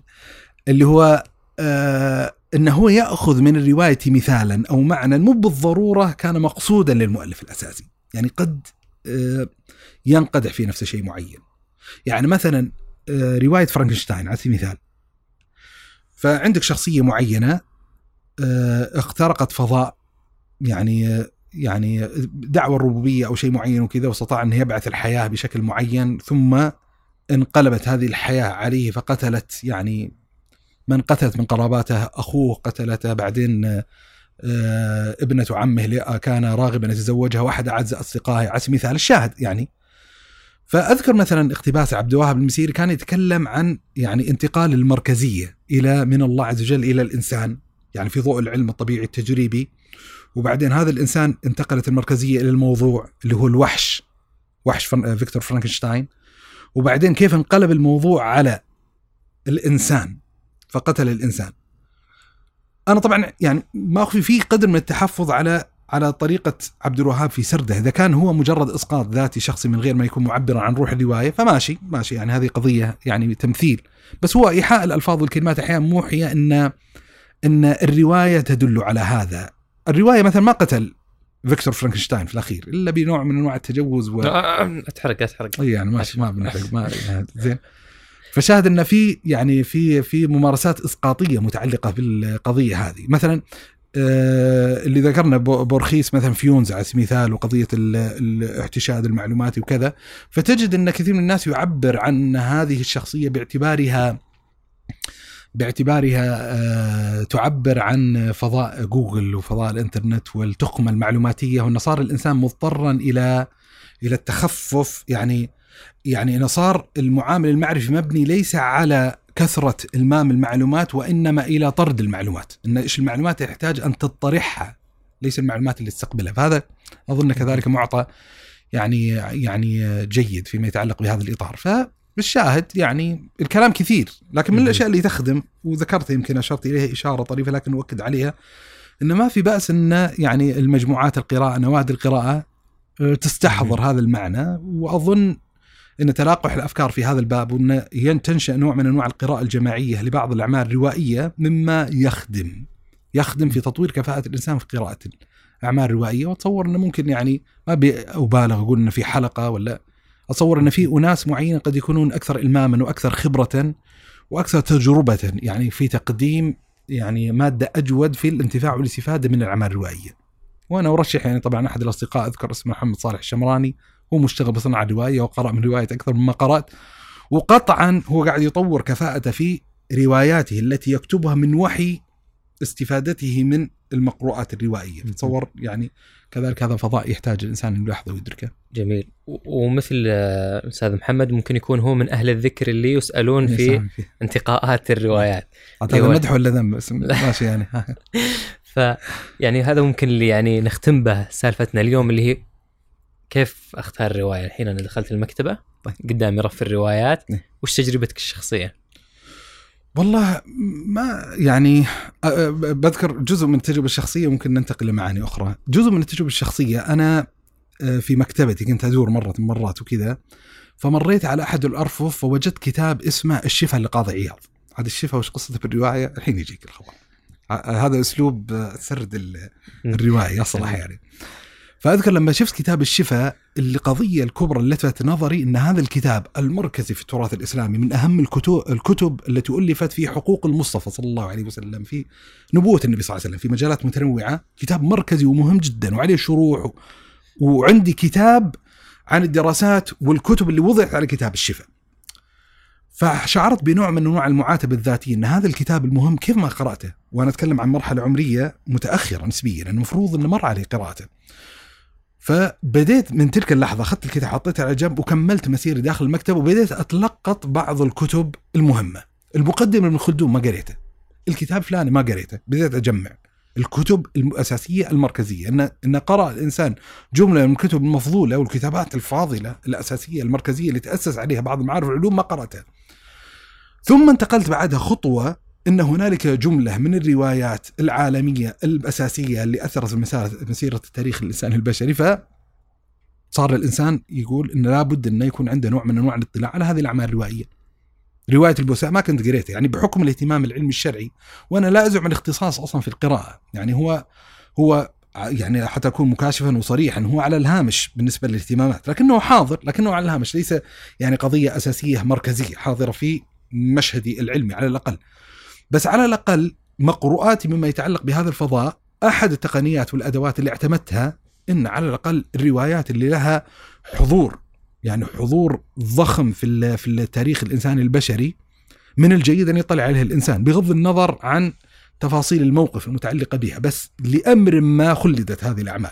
فخلنا نشوف إيش قصص التفصيليه الموجودة في هذه الأعمال. فأنا أعتقد إن كيف ينتقل الإنسان الروايات فهذه أحد التقنيات الأساسية. يعني يحتاج الإنسان أن يحاذر جدا جدا جدا جدا فكرة القوائم الأكثر مبيعا أو الأكثر شهرة. هذا مؤشر أحيانا بحسب بحسب طبيعة القائمة بحسب الجهة مثلا مصدره وبعضها ليست معبرة عن روح علمية يعني بمعنى أن الأكثر مبيعا لا يلزم بالضرورة أن يكون عائدا لاعتبارات معرفية أو أدبية أو شيء يستحق. فضلا عن الوصايا الأكثرية بس كذا. زين؟ لأن تأثير المسألة هذه مثل تأثير كرة الثلج يعني اللي يحصل يعني خذ اللقطة هذه في معرض الكتاب هذا يحصل يمضي الإنسان في أحد ممرات المعرض في فيجد احتشادا بشريا، شو اللي يصير تلقائيا؟ ينضم إلى هذا الاحتشاد. فيمر آخر فيحتشد، كل ما زاد العدد يصير مثل تأثير كرة الثلج. فإذا أفضل إنسان لقراءة المنتج بنفسه ما عرف عليه إيش محتشدين ومرت عليه تجارب من هذه التجارب في الأعمال الروائية وغير الأعمال الروائية. يعني كتب معينة تفخم وتعظم وكذا تقراها يعني كنت أقول شتيمة معينة بس أقول أعمال تافهة على الأقل يعني. طوط. طوط أعمال إيه. تافهة. مثلا فهذا يعني شيء يتجنب ويحاذر. البوابه يعني أظن إلا إذا كان عندك مثلا نقاط معينة ممكن تخدم فيها مثلا في قضية القراءة في الكتب شراء الكتب عموما احد التقنيات الأساسية المفعلة اللي هو بين قوسين اللي قلته سؤال أهل الذكر يعني سؤال اللي عنده نوع من أنواع الاختصاص بالباب عندهم تجربة موجودة أنا لاحظ الحين مثلا فضاء اليوتيوب ترى في شخصيات يعني يعني أحد الظواهر الإيجابية الموجودة في القنوات اليوتيوبية وجود مجموعة من الشباب والشابات اللي قاعدين يقدمون مرشحات يعني في قضية الكتب وتجارب ذاتيه وعرض كتب وأشياء وفي تجارب صراحة ممتازة. فمثلا هذا أحد الموارد المحتملة الممكنه أما الاستشارة أو الانتفاع بالمشورات اللي تقدم بالمجان موجودة في هذا الفضاء. من الأشياء كذلك يحتاج الانسان أن يراعيها فيما يتعلق بهذا الباب إن تكوين ذوقه الخاص ترى الأعمال الروائيه بحر يعني واسع وطويل وأنت يمكن حتى تلاحظ هذا المعنى في أثناء التمثيلات اللي أذكرها، أنا قاعد أذكر تمثيلات اجمالا من نوع من وحي الأعمال الكبرى العالمية بحكم إن هي المادة المقروءة بالنسبة إلي. لكن قد يكون هنالك أعمال مغمورة مفيدة وجميلة جدا، في بعض القوائم بعض الفيديوهات الموجودة التعريفيه ببعض الكتب اللي تتحدث عن أهم الروايات اللي خرج في عام 2020 أنا أجنبي عن هذا الفضاء على سبيل المثال. فالشاهد يحتاج الإنسان أن يكون ذوقه الخاص ويعرف ما هو المزاج المتعلق به شخصيا ويستطيع يفضي بعد ذلك. يعني كنا جالسين مع الأستاذنا الحبيب مشاري الابراهيم كان يتحدث إن هنالك نوعين من أنواع الكتابة الروائية، كتابة تعتمد الحبكة والتسارع الأحداث وما يتعلق بها، ورواية معينة تعتمد على قضية التوصيف وممكن تغرق صفحة وصفحتين وثلاثة وهي تتحدث عن زقزقة العصافير ويعني تتحدث عن الطبيعة وتتحدث يعني أشياء رومانسية متعلقة بهذا الإطار. ففي أناس أنا أعرفهم يميلون إلى شدة التفصيل في التوصيفات ومتعلقة يريد يعني لا يريد أن يتعب مخياله في تخيل الشخصية المتحدث عنها والطبيعة اللي يتحدث عنها وفي شخصيات أخرى لا تمل يعني عطنا الزبدة خلاص ما يحتاج ينحو منحى فيحتاج الإنسان أن يدرك الذوق المتعلق بالمسألة هذه لأن هذا الفضاء يعني فيه فيه فيه جزء من الذاتية أو جزء من النسبية الشديدة وان ما قد يروق لك قد لا يروق لغيرك وما سمعته من عناوين في في في حلقة اليوم لا يلزم بالضروره أن يكون هو أمتع ما في الباب. ويعني أظن إنه يحتاج الإنسان أن يخوض قدرا من المغامرة. يعني في في هذا الباب إنه يجرب يعني حظوظه. يعني إنه قد يعني مثل ما يقرأ الكتب. يعني أنا ما أشوف موضوع الروايات يختلف كثيرا عن الحظوظ المتعلقة في قراءة الكتب.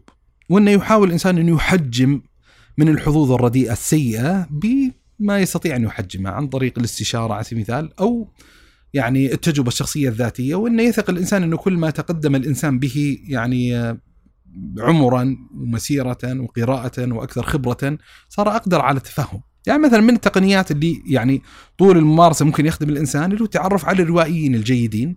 لا يلزم بالضرورة إن كل روائي جيد سيقدم منتجا جيدا. ممكن هي كما يقال بيضة الديك على سبيل المثال، لكن آه الأصل الأصل إن الروائي الجيد الأصل يغلب على الظن مؤشرات عالية إنه بتكون روايته جيدة. آه، الخرم اللي يحصل في هذا الباب قد يكون على خلاف الأصل فما يضر بأصل القاعدة يعني. و... وتحقيق الضمانة 100% أظن إنها يعني صعبة. إلى حد ما. مع نفسي الاستراتيجية اللي مطبقها استراتيجية مع الخيل يا شقراء مين؟ أنا أوه إذا الزحمة هذه أيوه هذا الناس ال- ذولي- أيوه نعم. هذا اللي هذا اللي حذرنا منه فهذا نموذج إيه يعني بس انه بس إني لما خلصنا إن شاء الله الحلقة الماضية حقت أيوه. العزلة أتوقع إني آه، ابى اصير المكان اللي ما حد يروح له هو المكان اللي ابى أشتريها. آه سعدت والله بك جدا أبو صالح في هذه الله الحلقة. يسلمك جزاك الله خير. كان ودنا الحديث أيضا الله. يمتد أكثر. جزاك الله خير. لكن لعلنا بدنا نلتقيكم الحلقة القادمة. بإذن الله عز وجل. شاكر مقدر. حياك الله.